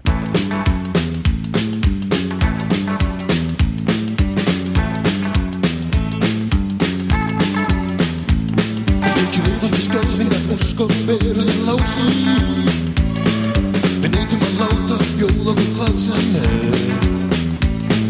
Því framtíðir aftur þá er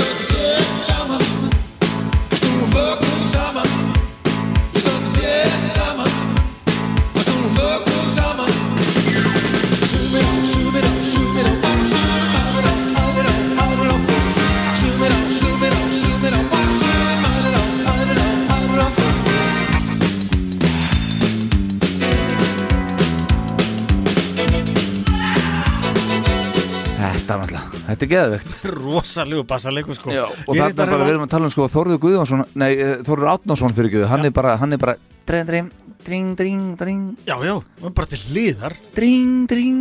Já, já, og svo, svo veistu, Já, ég held að þetta sé valgir þarna Ég held það. Og sko, já, ég meina þetta er bara lægjast Tomma. Já, já, þetta er svolítið og þau eru fleiri svona sko. Heldur hann er Ofbóðslega var hann góðu bassaleikari. Svakalegur, mm. svakalegur Og áður en að þú ferði þitt síðasta Já. Þá langar mig að nefna hérna að ég snerti ekkert á Gene Simmons í dag.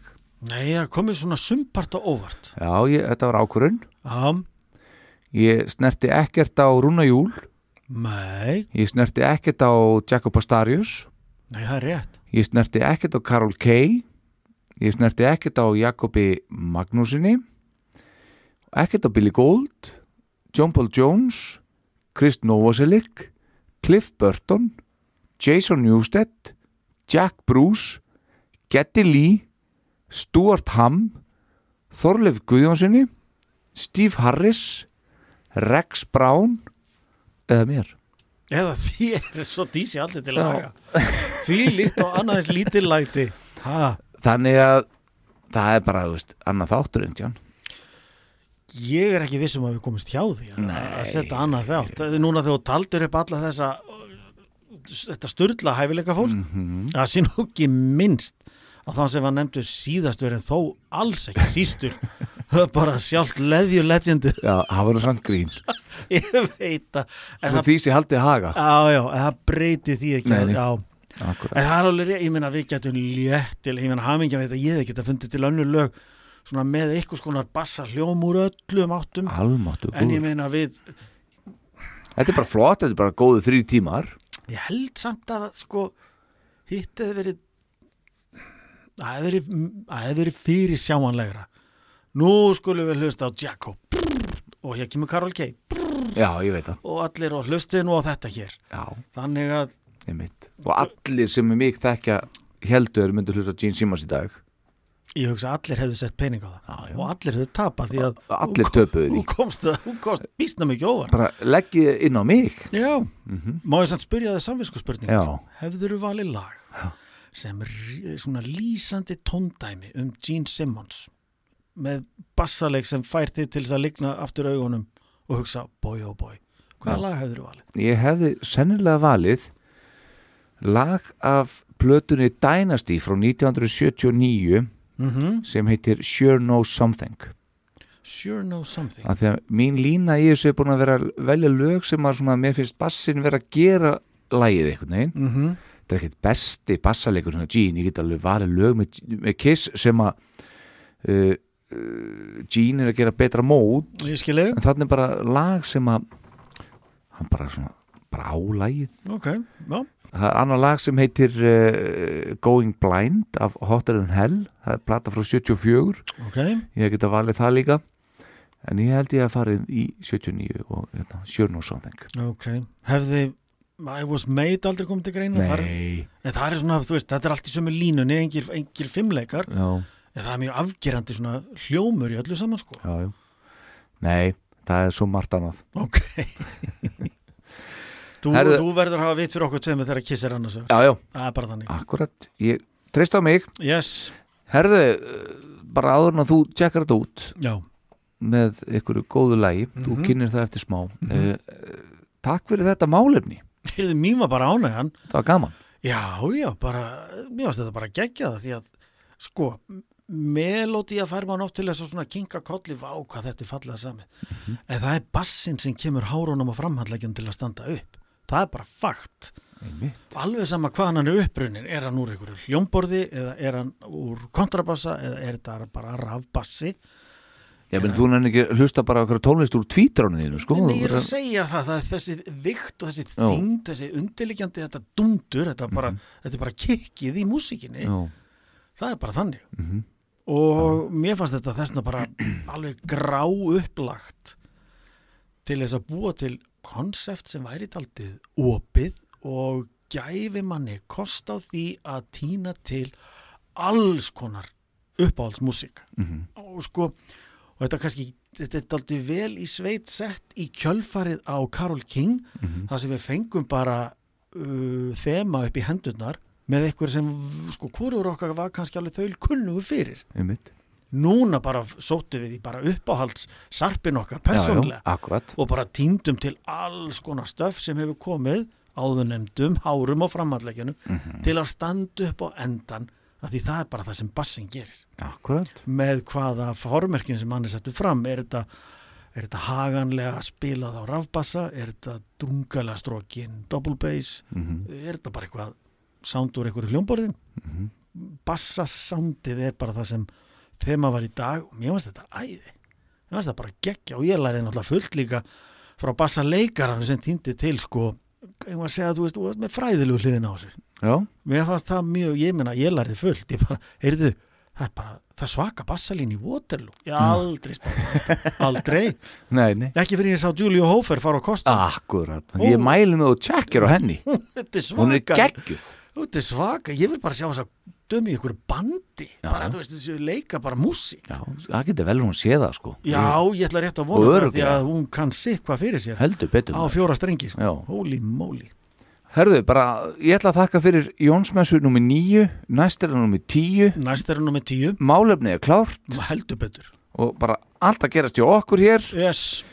Uh, Gengdu þetta útkalli minn og takk fyrir. Já, takk fyrir það. Ég ætla að týna til í restina uh, einn rosalegasta bassaleikara Íslands. Af, af sko mörgum sem eru hérna til nefndir þá ætla ég að nefna Skúla Sverrisson sem er sko sannkallað bassajöfur. Svakalegur uh, sko bara hæfileika maður á svo mörgum levelum og útgáfu katalókurinn hans er svo drjúur að það bara myndi taka bísnalangan tíma að stúsast í að fara í gegnum það allt saman. Hann var til að byrja með bassaleikari inn í frábæru 80s sveit Pax Vobis þar sem Geiri heitinn Sæm sá um röddina. Og ég mæli með að fólk fari inn á, hérna, inn á streymisveitur og tekki á, á hérna, efninu þeirra sem þar er að finna. Hann hefur leikið með eh, hérna nýbylgjusveitinni Blond Redhead. En ég heyrði fyrst á honum af ykkur ráði og svona bara komst að því bara hvaða, hvaða monster hann er á bassan þegar hann gaf út sólplötuna seríu 2006 sem hlauti kjölfarið Íslensku tónlistafelunin sem plata ársins. Og hann gaf síðan í kjölfarið held ég árið 2009, nei, 2010 seríu 2 sem er alveg sama stór snildin og ég mæli eindrið með þessum tömmum plötum þetta er mikið til instrumental bara skúli að bara galdra eitthvað á bassan sem maður botna bara ekki í. Og sko miklu meiri laglína í þessu en maður skildi ætla af manni sem sittur með eitthvað skona bassaljóðfæri og spilar á það. Og það er plata sem hann kemur að árið 2012 eða 13 sem heitir The Box Tree sem er algjört mistarverk algjört, nánast eitthvað skonar bassa ambient óutskýranlegt blow your head dæmi. Og en í viðbóti það ég mæli með að fólk tekja plötunum ef þið eigið þess kost að fara á tónleika með skúlasverði sinni do it uh, ég hef séðan í, í þeim frábæri tónleikasal Mengi við Óðunsgötu og svo í Kaffi Flóru í, í Laugadal og mann setur bara hljóðan þegar þessi maður byrjar að spila. Það er alveg stórbroti ég valdi lag með skúla af plötunni Seria 2 sem kom á 2010 og hann er þarna með Óskarsvelun að hafa hann Hildi Guðnadóttur á kantinum. Hann er með Ólöfu Arnald sem ljær þarna Engilfríða rödd sína og fleiri flinka meðreiðasveina. Þetta er bara þetta er svona músík. Ég segi ekki fyrir lengra komna en þetta er bara þetta er bara músík sem að það bara aðeins að sittast niður og helst að hafa þetta í headphoneum. Þetta er svo margslungi og svo fallega samið. Ég lofa því, það verður engin svikin að því að tekka á skúla Sverrisinni og, og músikinni hans. Og ég held að það sé mjög viðengandi lokapunktur á bassapælingunum hjá ok- okkar í kvöld. Ég er búin að hafa mjög gaman allir minn, takk fyrir mig